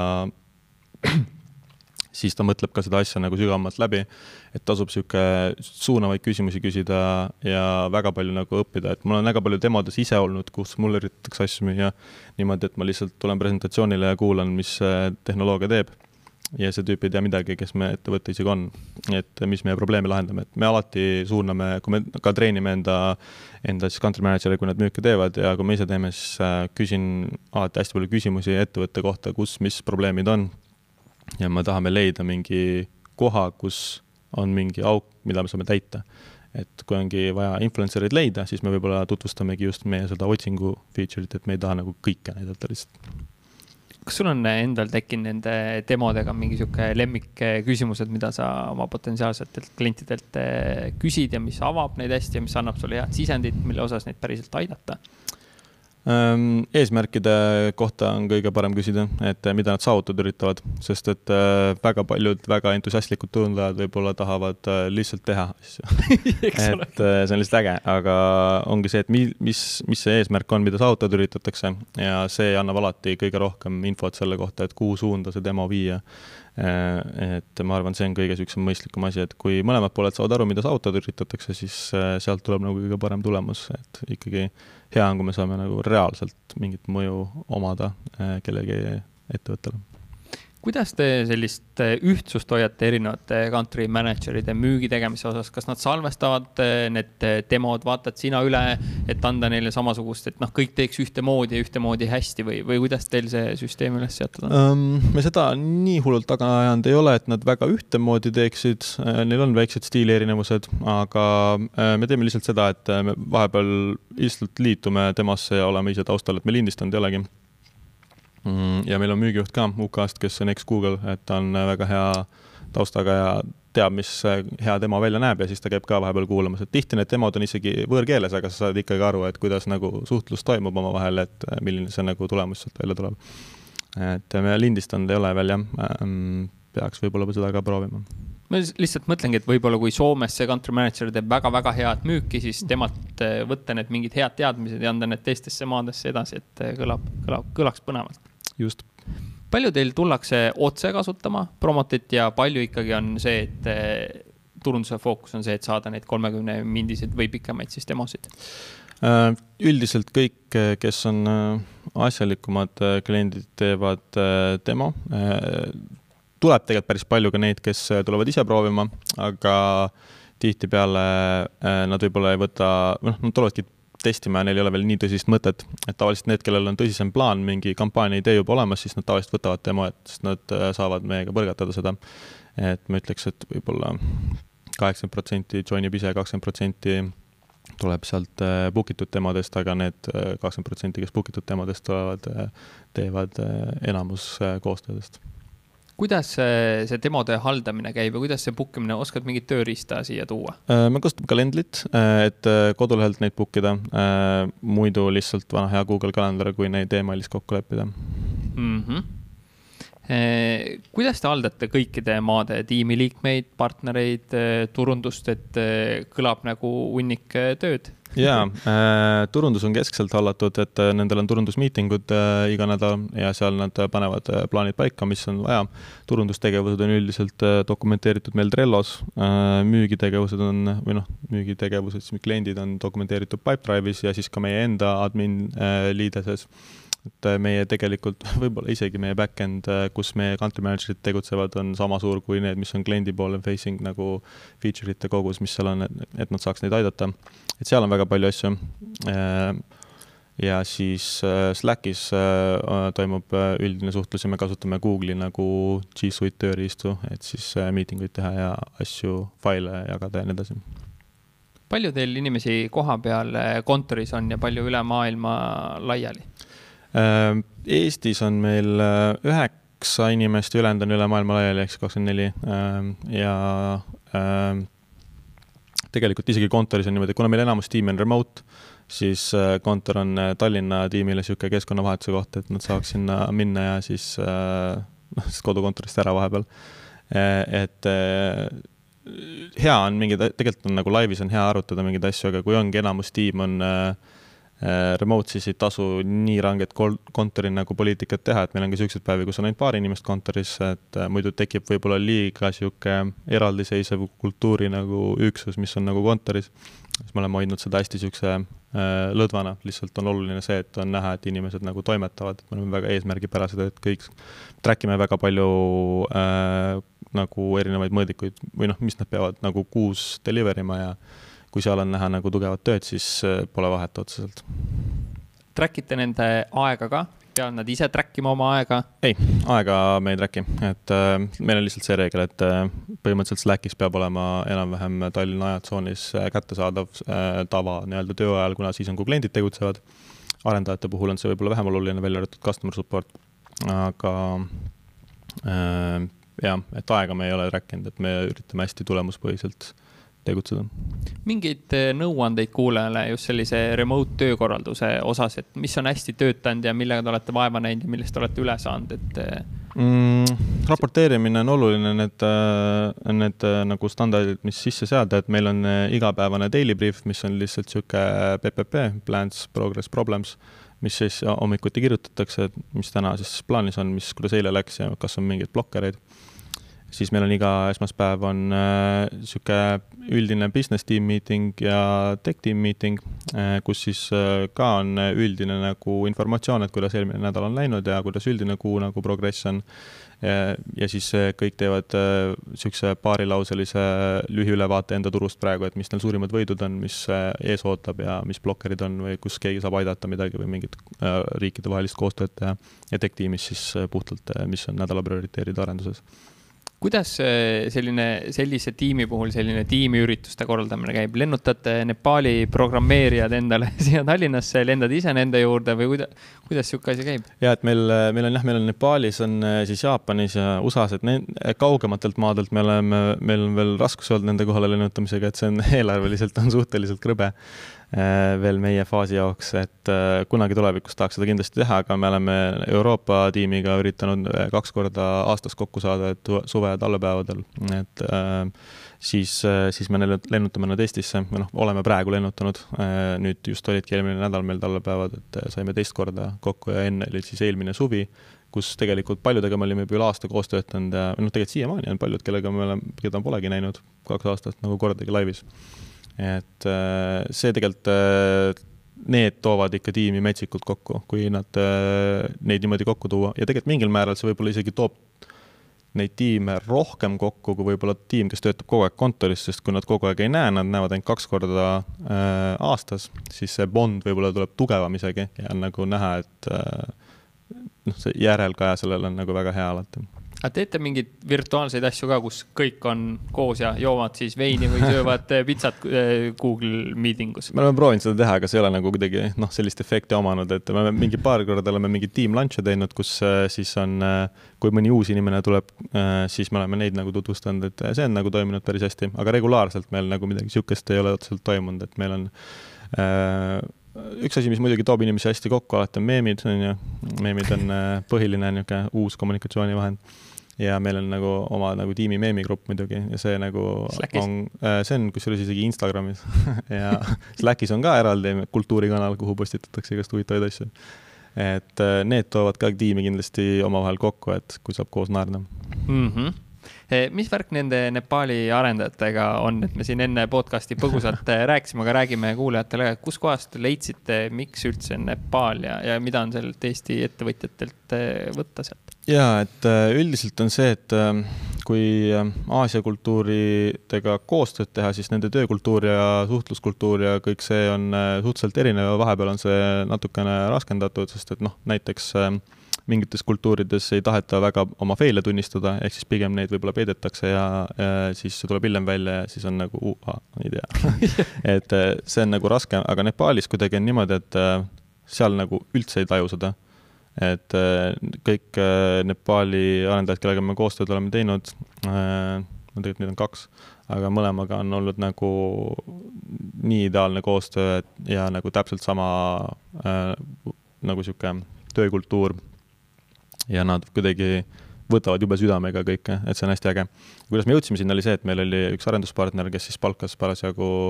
endale arendajaid ja siis nad leidsid Nepaalist ühe inimese, aga nad, ta ei mahtunud neile tiimi see hetk, jäi üle äh, seal protsessis ja siis nad suunasid ta meile ja siis äh, äh, kuna ta oli väga hea, siis me võtsime ta tiimi ja lõpuks tegelikult tema kaudu me saime ka vihje ühele teisele arendajale, kes oli ta sõber kes on äh, samuti täielik masin. Et äh, koodimasin. ja, et nad on äh, nagu noh, nad on ikka jube targad seal, et see on väga äge, et me kindlasti uurime seda asja veel seal ja me oleme mõelnud isegi minna koha peale ja teha võib-olla mingisuguse konverentsi seal arendajatele ja vot vaatame, kuidas siin, kuidas siin asjad arenevad, et väga põnev koht tundub olevat väga, ma ei, ma jah, ma ei ole kuskilt kuulnud, et eh, olen küll kuulnud küll, et on Ukrainast ja Valgevenest ja, ja Venemaalt neid arendajaid ja Indiast ja, ja Filipiinidelt, aga et Nepaalist, mis palgatase on? Äh, ta on sihuke äh, madalam kui Eestis, et on äh, võib-olla võiks öelda sihuke kaheksa kuni kümme aastat tagasi Eesti nagu tase. et äh, enam-vähem sihuke sama, mis mujal Aasias, kui sealtpoolt palgata ähm, naljakas oli ka see, et kui me esimest lepingut tegime, siis nendel on vist aadresside süsteem on kuidagi teistsugune, et ta ei ole nii täpne, kui meil on, et on majanumbriga. ja siis äh, panen selle aadressi Google'isse sisse lihtsalt, et noh, vaatan, mis, kus ta siis on. bussipeatus. mõtlesin, mis asja elavadki bussipeatuses mingi skämm või midagi. siis tuli välja, et ei ole, et neil ongi niisugune mingi naljakas kuidagi, ma ei tea täpselt, mis see süsteem on, et on mingi plokk või midagi, aga see oligi Google Maps'is lihtsalt bussipeatus bussipeatus ja kümnekildine raadius, kõik sobivad sinna väga äge lugu. Eh, õppetunde ja soovitusi seoses eh, oma startup'i raha kaasamisega, et mis kanalit teie selleks kasutasite ja kui raske oli saada seda ühe koma kahe miljonist investeeringut? eks see oli pikaajaline töö ja võrgustik loeb hästi palju, et seal oli, mängis hästi suurt rolli ka meie esmaste investorite enda võrgustik, siis me tegime PR-turundust, jahtisime neid ühekaupa, lihtsalt tavaline nii-öelda nagu ingelinvesteeringute kogumise protsess. et üldiselt mm, influencer turundus on niisugune kiirelt kasvav äh, turg, kus on palju potentsiaali ja kui on selline turg olemas ja nagu see potentsiaal on nagu näidatav, siis iseenesest investeeringute äh, nagu jahtimine ei, ole nii raske, kuigi meie jaoks teeb võib-olla mingil määral keerulisemaks see selle, et see on äh, nagu crowded market. et äh, raskem on noh, tõestada oma nagu seda, kuidas öeldakse eesti keeles, noh, execution'i nagu võimekust. et ähm, ütleks, et äh, raske töö oli, aga see nagu näeb välja sihuke, noh, kuna me kaasasime selle üks koma kahe, ühe koma kahe miljonise raundi niimoodi, et see oli vist äh, kakskümmend neli tundi oli see lahti Funderbeamis ja siis äh, sealt kogunes vist juba kaheksasada tuhat mingi kolme tunniga. see tundub nagu see oleks niisugune overnight success, aga tegelikult see oli niisugune paras higistamine ikka, ma alustasin selle protsessiga mingi oktoobris või midagi niisugust ja me saime raha lõpuks kätte äkki aprilli lõpus mingid nõuanded nendele, kes mõtlevad sinna Funderbeami raha kaasama minna, et selles protsessis, mis kindlasti tuleb teha, millega tuleb arvestada? Äh, no see compliance pool kindlasti, et seal on äh, kõik numbrid ja asjad tuleb ära tõestada, tuleb valmistuda selleks ette, et kõik väited, noh, see, kuna see on finantsteenus, siis vaadatakse kõik väited, mis sa ütled üle ja sul peavad kõik tõendusmaterjalid olemas olema, et tasub aega varuda selle compliance protsessi jaoks, see on kindlasti üks nõuanne, et seda, sealt ei saa kiirelt läbi ja see on hea ka, sellepärast et äh, see paneb nagu asjade, sõnumite üle nagu üle, järele mõtlema ja toob ka võib-olla vahepeal mõn-, mõne uue idee sisse, et kus võiks mingeid asju paremini arvutada. Ja siis on lihtsalt see, et äh, tulebki lihtsalt jahtida, tuleb äh, otsida neid investoreid, kes oleks huvitatud ja, ja neile ennast, endast teatavaks teha. Sa ütlesid, äh, korra mainisid ka, et esmaste investorite olemasolu oli teil olemas ja nemad aitasid seda nagu, andsid seal nõu, kuidas see esmaste investorite saamine käib ja, ja mille järgi te valisite, et keda siis pardale võtta? jaa, tõsi, et see ühe koma kahe miljoniline raund oli meil juba kolmas, et äh, meil enne seda oli veel üks äh, neljasaja tuhandene ja siis enne seda oli viiekümne tuhandene, et esimene investor oli meil Kristjan Laude, kes on ka siiamaani meil väga hea mentor ja Madis Müür tuli kohe natukene peale teda sisse meil Äh, Kristjan siis tegelikult äh, kutsus ka tema. Äh, ja Kristjaniga ma tutvusin tegelikult mingi viis aastat veel enne Promotit äkki, kui ma käisin Euroopa Innovatsiooni Akadeemias et äh, seal ta oli meie turundusmentor. ja siis äh,, siis kui ma lõpuks turundusse jõudsin äh, kuidagi veidralt küberkaitsest, siis siis mul tuli meelde, et ahaa, et võiks talle näidata, et mis ta arvab meie platvormist ja siis ta just oli ka alustamas Ingli investeeringute tegemisega parasjagu, kui ma talle näitasin seda platvormi. ja siis mul oligi tegelikult kaval plaan, et ma kuulsin, et ta alustas investeerimisega, siis ma mõtlesin, et vana hea see startup'ide häkk, et äh, kui sa tahad kellegagi laua taha saada, siis küsi feedback'i lihtsalt. siis sa lähed näitad talle, on ju, noh, näitasin ka, mis me tegime, värki, rääkisin kogu potentsiaalist. ja siis äh, oligi see vana hea, et ta pakkus ise, et võiks sellest asjast lähemalt rääkida. et äh, see on see vana hea startup'i feedback'i häkk, et äh, sellega saab inimesi laua taha ja siis sealt, sealtkaudu me saime esimese investori jah, ja ta, seoses temaga saite kindlasti mitte ainult raha, vaid ka ju teadmist kogu, ja nõu, on ju. just, kogu network'i ja me siiamaani ikkagi suhtleme iga kuu ja äh, ma olen ikka väga palju väärtust saanud äh, erinevate teadmiste osas ja äh, ka, ka Madiselt ja, ja ka nüüd meie eelmise ringi juhtinvestorilt Vijaylt, kes oli ka Kristjani tuttav äh,. et ja tema kaudu me saime ka India kontakti, äh, kui, kui me nüüd Indiasse laieneme. et tema on ka väga palju nagu mentordanud ja aidanud kuidas te alguses, noh, seda viitekümmet tuhandet sinna tõstma läksite, kuidas tõestasid oma selle elluviimise võimekust, mida need investorid eh, näha tahavad? no siis me olime teinud juba äh, oma launch ära, meil olid juba esimesed kliendid olemas, et alati tahetakse revenue'd näha, et äh, see, siis meil see juba oli ja me suutsime näidata ka kasvu mm,. ja äh, see on nagu põhiline ja siis äh, me nagu tegutsesime suhteliselt kiirelt ka nagu mingite feedback'ide asjade osas, mis me saime ja tegelikult sellest hetkest, kui me Kristjaniga rääkisime, kuni ta lõpuks investeeris, läks äkki, kui ma ei eksi, pea aasta, üheksa kuud. et me nagu saime regulaarselt kokku ja näitasime oma protsessi ja progressi, et alguses, kui mm, sa oled täitsa uus, on ju, noh, mul, ma, mul ei olnud mingisuguseid äh, suuri startup'i kogemusi enne seda natuke oli, aga mitte nagu sellisel skaalal, siis ei tea veel nagu, kas inimene suudab või ei suuda et siis see nagu see jälgimisprotsess on tavaliselt nagu tasub arvestada, kui, kui olla nagu niisugune esimene e-, esmakordne või teisekordne startup'er, kes ei ole veel nagu kuskil ära tõestanud, et näed, meie suudame teha ja meil on piisavalt nagu ambitsiooni ja tahet. milline on eh, sinu definitsioon growth hacking ust, kasvu häkkimisest ja mis tüüpi ettevõtetele see sobib ja kuidas päriselt sellele lähendades tööle hakkaks? ma arvan, et eh, see sobib kõigile. Eh, tihti võib olla kasvu häkkimine jääb väga kinni digitaalmeediasse, äh, kus proovitakse erinevaid äh, sõnumeid, mis töötab paremini, mis ei tööta paremini, mingid AB testid. et minu arust see on niisugune kitsas definitsioon growth hackimisest ja see on üks selle väike osa, et growth hackimine on tegelikult nii-öelda kõik kavalad viisid, mis sa suudad välja mõelda, kuidas kasvu nagu tekitada. ja mis tihti ära unustatakse, on toode ise. et tootesse sisse ehitada just mingisuguseid kavalaid nõkse et äh, ma arvan, et jaa, et see sobib kõigile tegelikult lõppkokkuvõttes, et kõik saavad välja mõelda igasuguseid kavalaid trikke, kuidas mingisuguseid äh, kasvunurki kuskilt leida. et see on niisugune raskelt defineeritav asi, tuleb kaval olla lihtsalt oskad tuua mingeid äh, näiteid nendest kavalustest, mida online'is kasutada ja mida offline'is kasutada?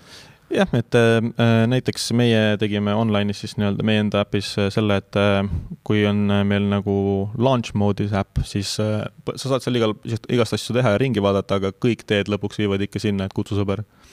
ja see kogu asi on üles ehitada sellele, et see funnel liigutada sinna, et keegi kutsuks vähemalt ühe või kaks inimest. et äh, see ongi see nagu väike häkk, mis seal on äh, offline'is töötab väga hästi äh, kontsept nagu, niisugune idee nagu talk triggers mis see tähendab? Äh, see on siis põhimõtteliselt üks raamat äh, nimega Dog Triggers. Äh, soovitan lugeda ja need, see point on siis see, et see on niisugune unikaalne märkimisväärne asi, mida sa saad teha, mis on hästi nagu korratav ja hea näide sellest on näiteks Doubletree by Hiltoni kett, et kui, kes on kuulnud sellest Hilt, nagu Hiltoni ketist, ilmselt teab ka või on käinud seal, teab ka, mis nende dog trigger on. ja selleks on soe šokolaadiküpsis nende kogu bränd on üles ehitatud selle pointi peale, et äh, nende moto vist on äkki warm welcomes. ja siis, kui sa sinna lähed, sa, see warm welcome ongi see, et sa saad sooja šokolaadiküpsise ja nad küpsetavad, ma ei mäleta, mitusada tuhat või miljon küpsist päevas. ja see on kogu nende turunduseelarve sisuliselt ja kõik, kes seal käivad, saavad lihtsalt korda selle, vau, vot, küpsis. teist korda lähevad, et äkki sain veel ja siis kolmas kord nad juba teavad, et küpsis tuleb. ja siis nad räägivad muidugi oma tuttavatele, et tead, mis juhtus, nagu sain seal niisuguse küpsise, et nagu see jumala lahe, et nagu kuskil mujal ei tehta niimoodi et äh, see ongi niisugune nagu talk trigger ja nagu neid asju annab enda nagu ettevõttele välja mõelda. Äh, alati võib-olla see ei ole võimalik, olenevalt ettevõttest, aga saab igast kavalusi nagu seal arendada, et kui see raamat läbi lugeda, siis sealt kindlasti tuleb nagu häid ideid, et ma arvan, see on offline'is niisuguste äh, kõige nagu huvitavam meetod, mida uurida. Panen kindlasti, ma pole isegi sellest raamatust kuulnud, läheb äh, kindlasti endal lugemise või, või kuulamise listi. kuidas te promotis sedasama põhimõtet püüate rakendada, et mis see teie top trigger on? me ei ole tegelikult seda veel välja mõelnud enda jaoks, et äh, me tegelikult selle cupcake idega nagu testisime seda, see tegelikult töötas. nüüd me mõtleme, et kuidas seda skaleeritavaks teha, et just see cupcake'ide teema ongi see, et äh, ja ka küpsiste teema on ju, et see on, peab olema madala kuluga, mida sa saad nagu järjepidevalt kogu aeg teha ja see peab selline asi olema, mida sa teed kõigile et äh, kui keegi ei saa seda, siis tekib see auk sinna sisse, on ju. Mhm. kui ma äh, teist korda oma sooja šokolaadiküpsist saan, siis ma väga kuri. jah, just, no ta ongi, tegelikult lõpuks tekibki see, et äh, sul, sul on expectation, et kus mu küpsis on, vaata, see ei olnud ju, sa ei maksnud, sa ei ostnud küpsist, on ju. aga see, see tekib lihtsalt inimestel, et et siis me ei ole jah, nagu enda oma veel nagu suutnud välja mõelda, äh, mis meil oleks niisugune repeatable asi, mida me saaks kogu aeg anda nagu madala kuluga. Ja siis me tegelikult läksime juba täitsa nagu noh, see oli lihtsalt niisugune naljakas äh, noh, vahest ikka nagu brainstorm imine läheb lappama natuke, mis koogi logistikasüsteemi, süsteemi me välja arendame seal, et kõigile neid äh, lahedaid roosasid cupcake'e saata, kui midagi hästi läheb, aga aga ma arvan, see on võib-olla niisugune natuke too high effort äh, nagu talk trigger, et äh, Äh, projektitid on äge, aga jah, me ei ole veel ise nagu suutnud välja nuputada, mida me saaks nagu niimoodi teha. aga mõttetöö käib, nagu ma aru saan? ja, ja ikka ragistame äh, ärimudelid Promotis, mis mm -hmm. teil äh, praegu töötab ja mis on muutumas, lisandumas ja kuidas üldse neid avastada ja nende peale tuled? jaa, praegune ärimudel on meil põhimõtteliselt, me võtame siis tarkvara seda litsentsitasu kasutuse pealt, ehk siis puhtalt selle summa pealt, mida siis influencer'ile makstakse või siis, kui ei ole rahalist tasu, siis lihtsalt äh, iga postitus maksab kümme eurot põhimõtteliselt või iga nagu meedia või story või mis iganes. et äh, see on niisugune platvormi marketplace'i nagu transaction mudel. selle miinus on see, et äh, mujal maailmas see töötab väga hästi, kuna seal on väeteised hinnad et äh, kui me siin alustasime, siis olid, esimesed hinnad olid äh, meil oli esimese kuu käive oli kolmkümmend kaheksa senti vist jah. Et.... Vau, vau, mis sa selle rahast ostsid küll endale just täpselt, et äh, ühe pastaka võib-olla saab. Ehm, ja seal on niimoodi, et noh, praeguseks seisuks on see see, et postituse hinnad nagu keskmise suurusega influencer itel niisugune kümme tuhat midagi jälgijat on niisugune sada kuni viissada eurot, olenevalt, kes nad on ja mis nende muu statistika on. Siis mujal maailmas see võib-olla hakkab tuhandest ja läheb kümne tuhandeni, et äh, see, sinna on parem juba oma protsent vahele panna, äh, aga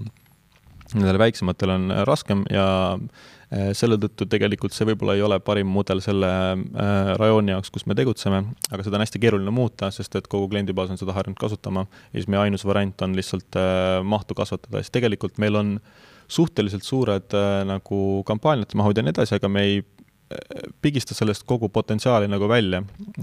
ja vahepeal me võib-olla olime selles ka liiga kinni jäänud sest noh, kui me nagu tegutseme ka või noh, me oleme Funderbeamis ka, siis tekib niisugune tunne, et me oleme nagu väike börsiettevõte ja siis me hakkame vale asja optimeerima, et üritame kogu aeg nagu noh, et me tahame revenue'd näidata ja kasvu ja nii edasi. aga vahepeal tuleb endale meelde tuletada, et me oleme ikkagi startup, et nagu see ei ole nagu noh, revenue on oluline muidugi, aga nagu me peame tegelikult kasvatama oma baasväärtusühikut, mis läbi meie platvormi liigub, milleks on siis nagu õnnelikud koostööd ja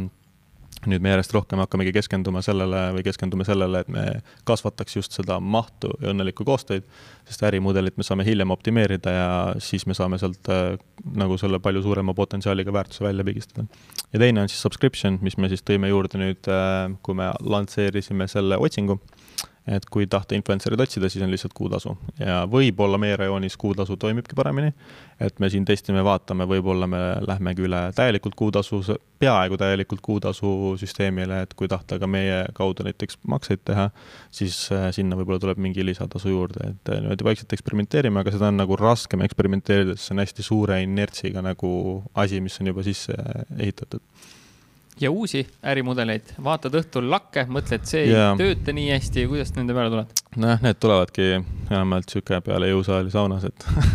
mõtled, et eh, kus saaks veel midagi huvitavat teha ja siis ongi näiteks meie see white label'i idee.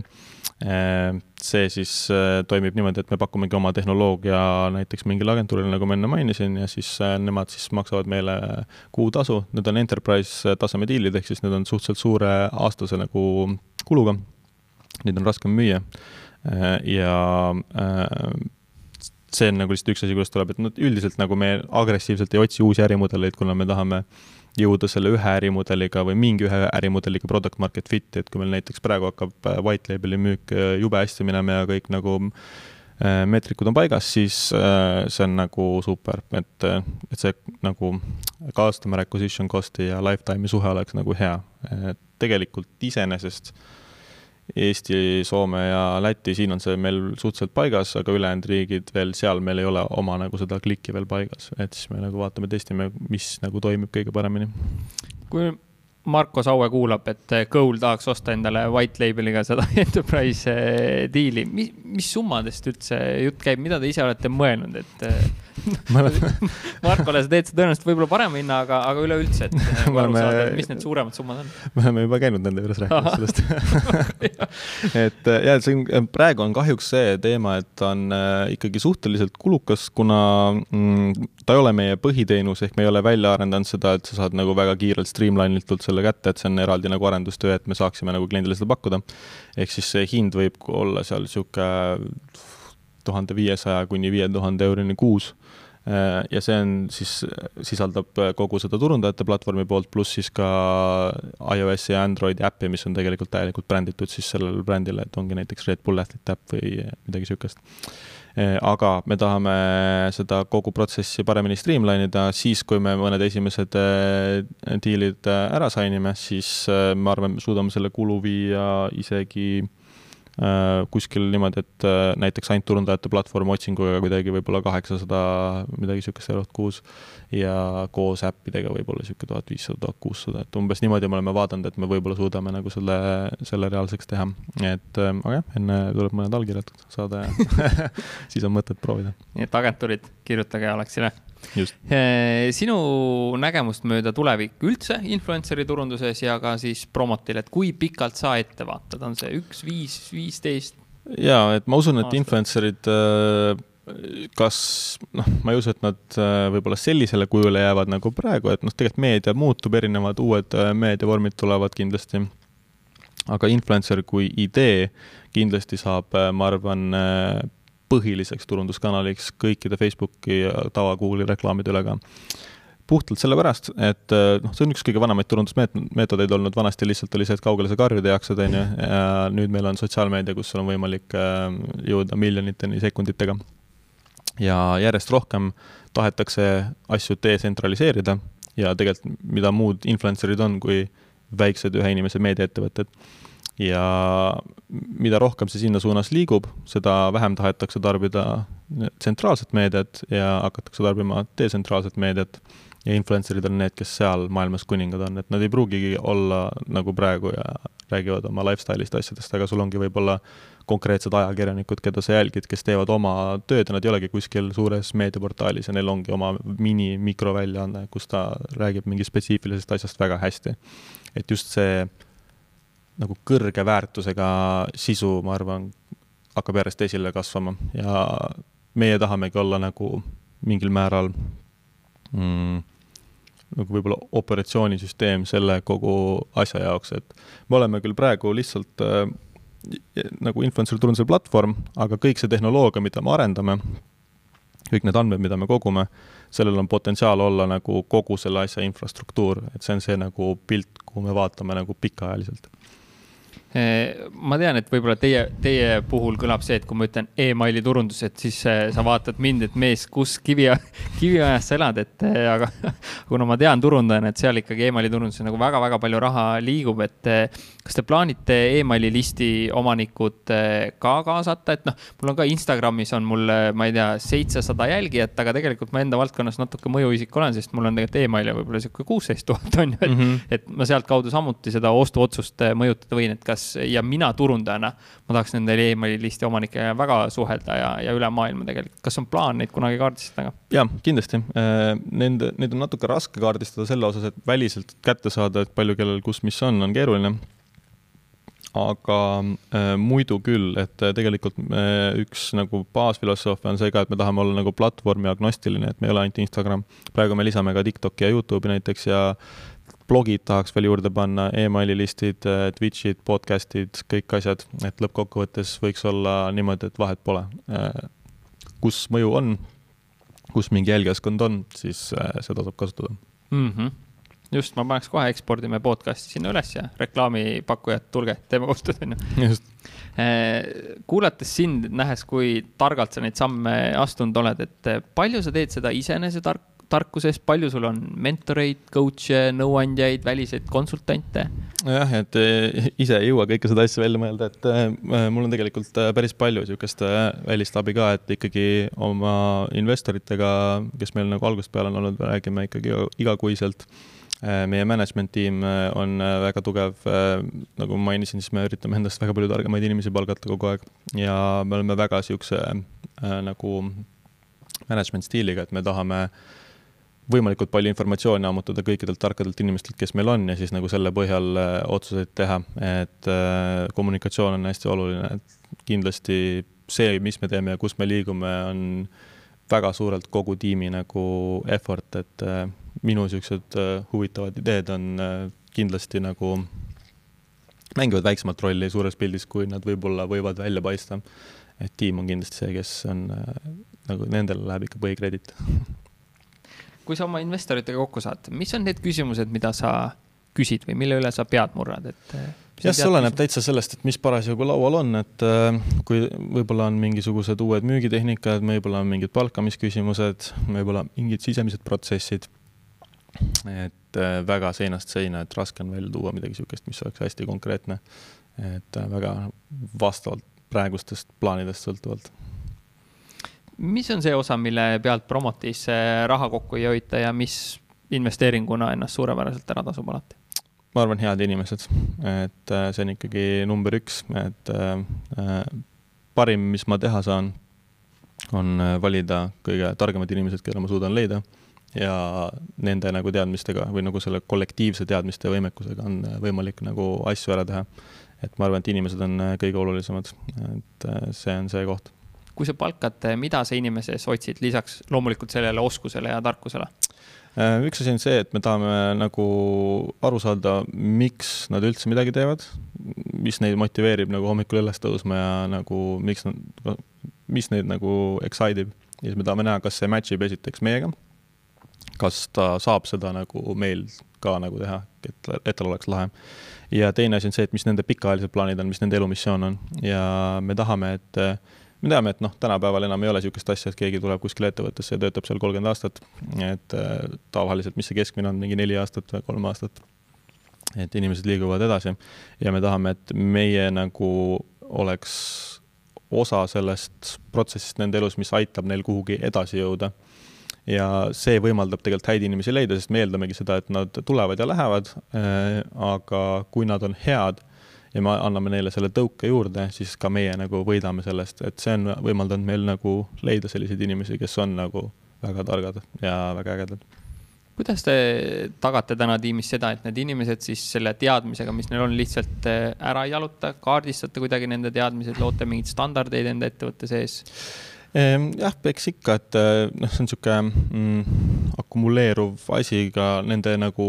eh, teadmised, kui nad aitavad meil Promote'it ehitada ja protsesse ehitada, siis see nagu kuhjub meie ettevõtte sisse know-how'na, et see on nagu üks asi. Eh, nende inimeste enda hoidmine, puhtalt tavalised meetmed, et neil oleks hea töökeskkond ja optsioonipaketid ja et äge, lihtsalt äge oleks ka nagu omavahel suhelda, oleks tore.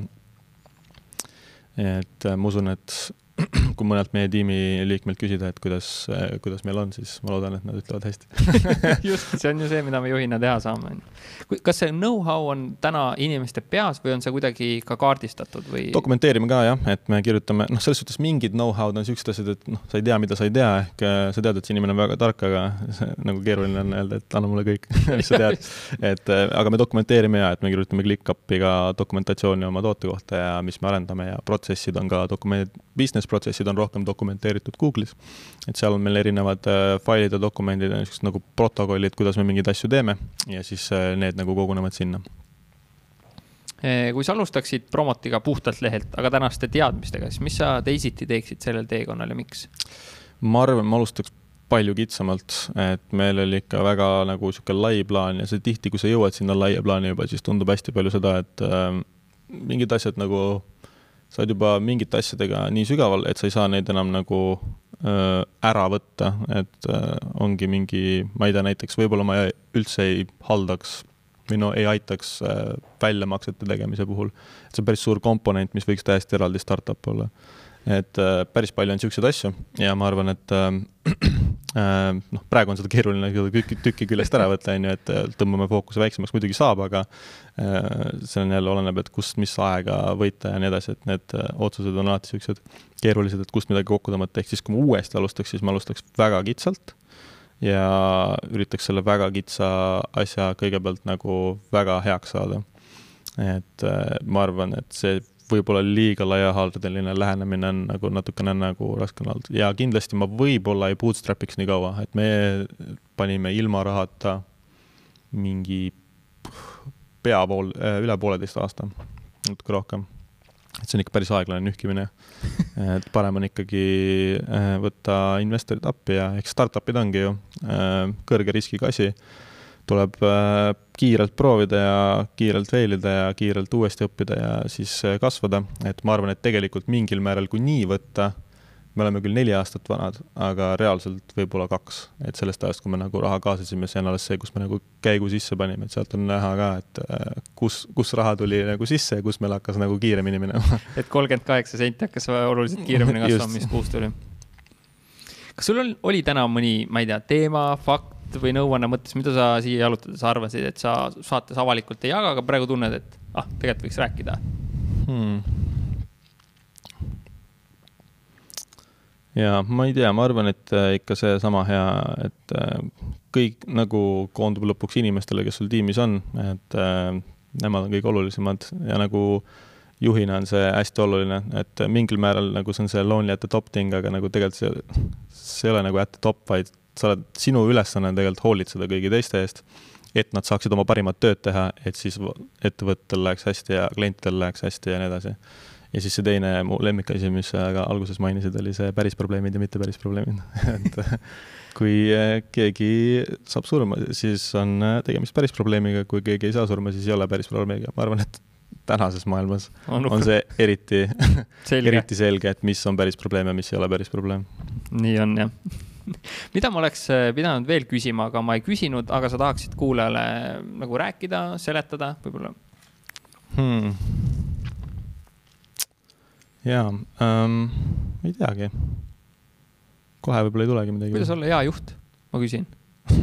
mis, mis see sin-, tähendab, mis see sinu nagu filosoofia on ja kuidas sa oma inimestega ümber käid ja kuidas sa mõtestad see, kuidas sa hommikul tööle lähed ja, ja neid aitad, et sellist eh, tiimitunnet luua, nagu sa loonud oled mm.? kui ma olen hea juht aga ma mõtlen seda, et äh, vana hea see juht sööb viimasena, et äh, ma ikkagi alati hoolitsen tiimi eest esimesena et neil oleks hea keskkond ja et nad saaksid äh, oma kõige paremat tööd teha. et ma arvan, et see on oluline ja vahepeal on võib-olla raske on nagu see ka, et kui on noh, hästi suur pressure peal, et kuidas nagu aidata tiimil aega maha võtta, et kui kõigil on see hull drive ja nad push ivad täiega, siis on burnout ka kiire tulema, et,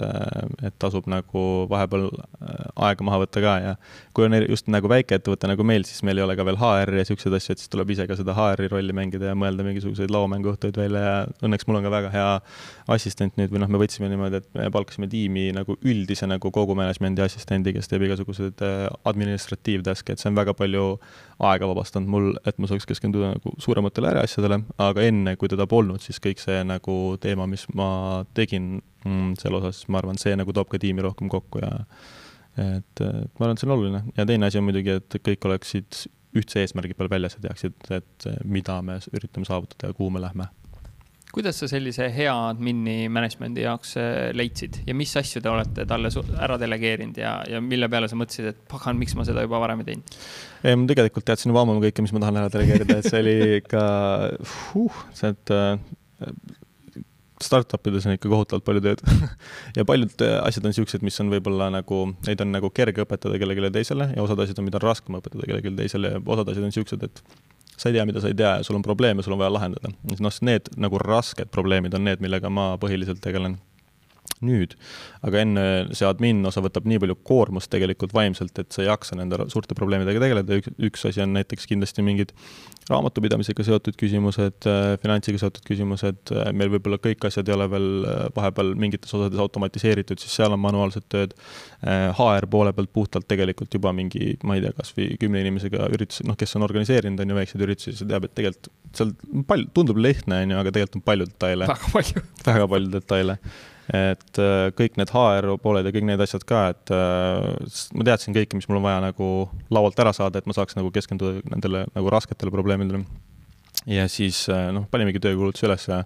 kandidaate tuli päris palju, et mm, meil on kuidagi vedanud selle osas, et meil on äh, hea employer branding tekkinud, et äh, eriti Eestis, et kui me paneme mingitele sellistele positsioonidele kuulutuse üles, siis tuleb tavaliselt ikka mingi niisugune sada kandidaati. et siis äh, saime sealt äh, hea inimese välja valitud ja ta on ikka väga suureks abiks olnud kogu tiimile, et anna, aitab seda nagu lauda puhtana hoida ja saab siis selle fookusega edasi minna. ma arvan, et see sada kandidaati näitab päris hästi, kui hea juht sa oled kui nüüd äh, kuulaja mõtleb, et äh, tahaks Promotiga koostööd teha või sinult mingit nõu saada, kuidas kõige parem sinuga ühendust võtta ja kuidas Promoti osas, kuhu peaks pöörduma, kuhu peaks minema? Ja mulle võib otse kirjutada alex.promoti.eu, võib ka LinkedIni proovida, kuigi seal viskab igast asju sisse kogu aeg, siis vahepeal läheb kaduma. Kui ma LinkedInis ei vasta, siis kirjuta, kirjutage kindlasti meili, et seda on raske natuke jälgida. Ja Promoti osas kindlasti promoti.ee, et äh, võib äh, kohe konto teha, proovida või siis sealt äh, demo schedule ida või siis võib ka otse kirjutada mirjam.promoti.ee, .eu tegelikult. meil on see väike jama, et kõik meilisüsteem jäi EU peale, kui me alguses Aha. olime, aga siis me lokaliseerisime domeenid ära et aga kindlasti meie kodulehelt saab ka nagu kontakti võtta, et meie inimesed alati aitavad ja mõtleme kaasa ja teeme mingi hea strateegia. väga äge.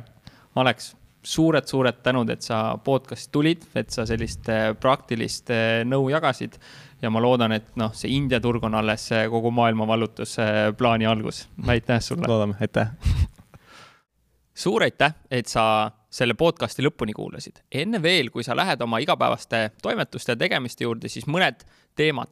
kui sul on vaja enda turundusteadmisi tõsta või meeskonna taset tõsta, siis tule turunduslaborisse. seal on üle saja video, mis aitavad sul ja meeskonnal rohkem kliente saada ja mitte ainult rohkem kliente saada, vaid ka neid äh, paremini hoida. seal on äh, lisaks minu videotele äh, üle kahekümne teise eksperdi video ja soodsa kuutasu eest saad kogu sellele materjalile kohe ligi. lisaks on seal koostegemise päevad, küsimused-vastused, kõned ja foorum, mis aitavad sind edasi, kui sul on mingid küsimused, tõrked või takistused. nii et tule kindlasti turunduslaborisse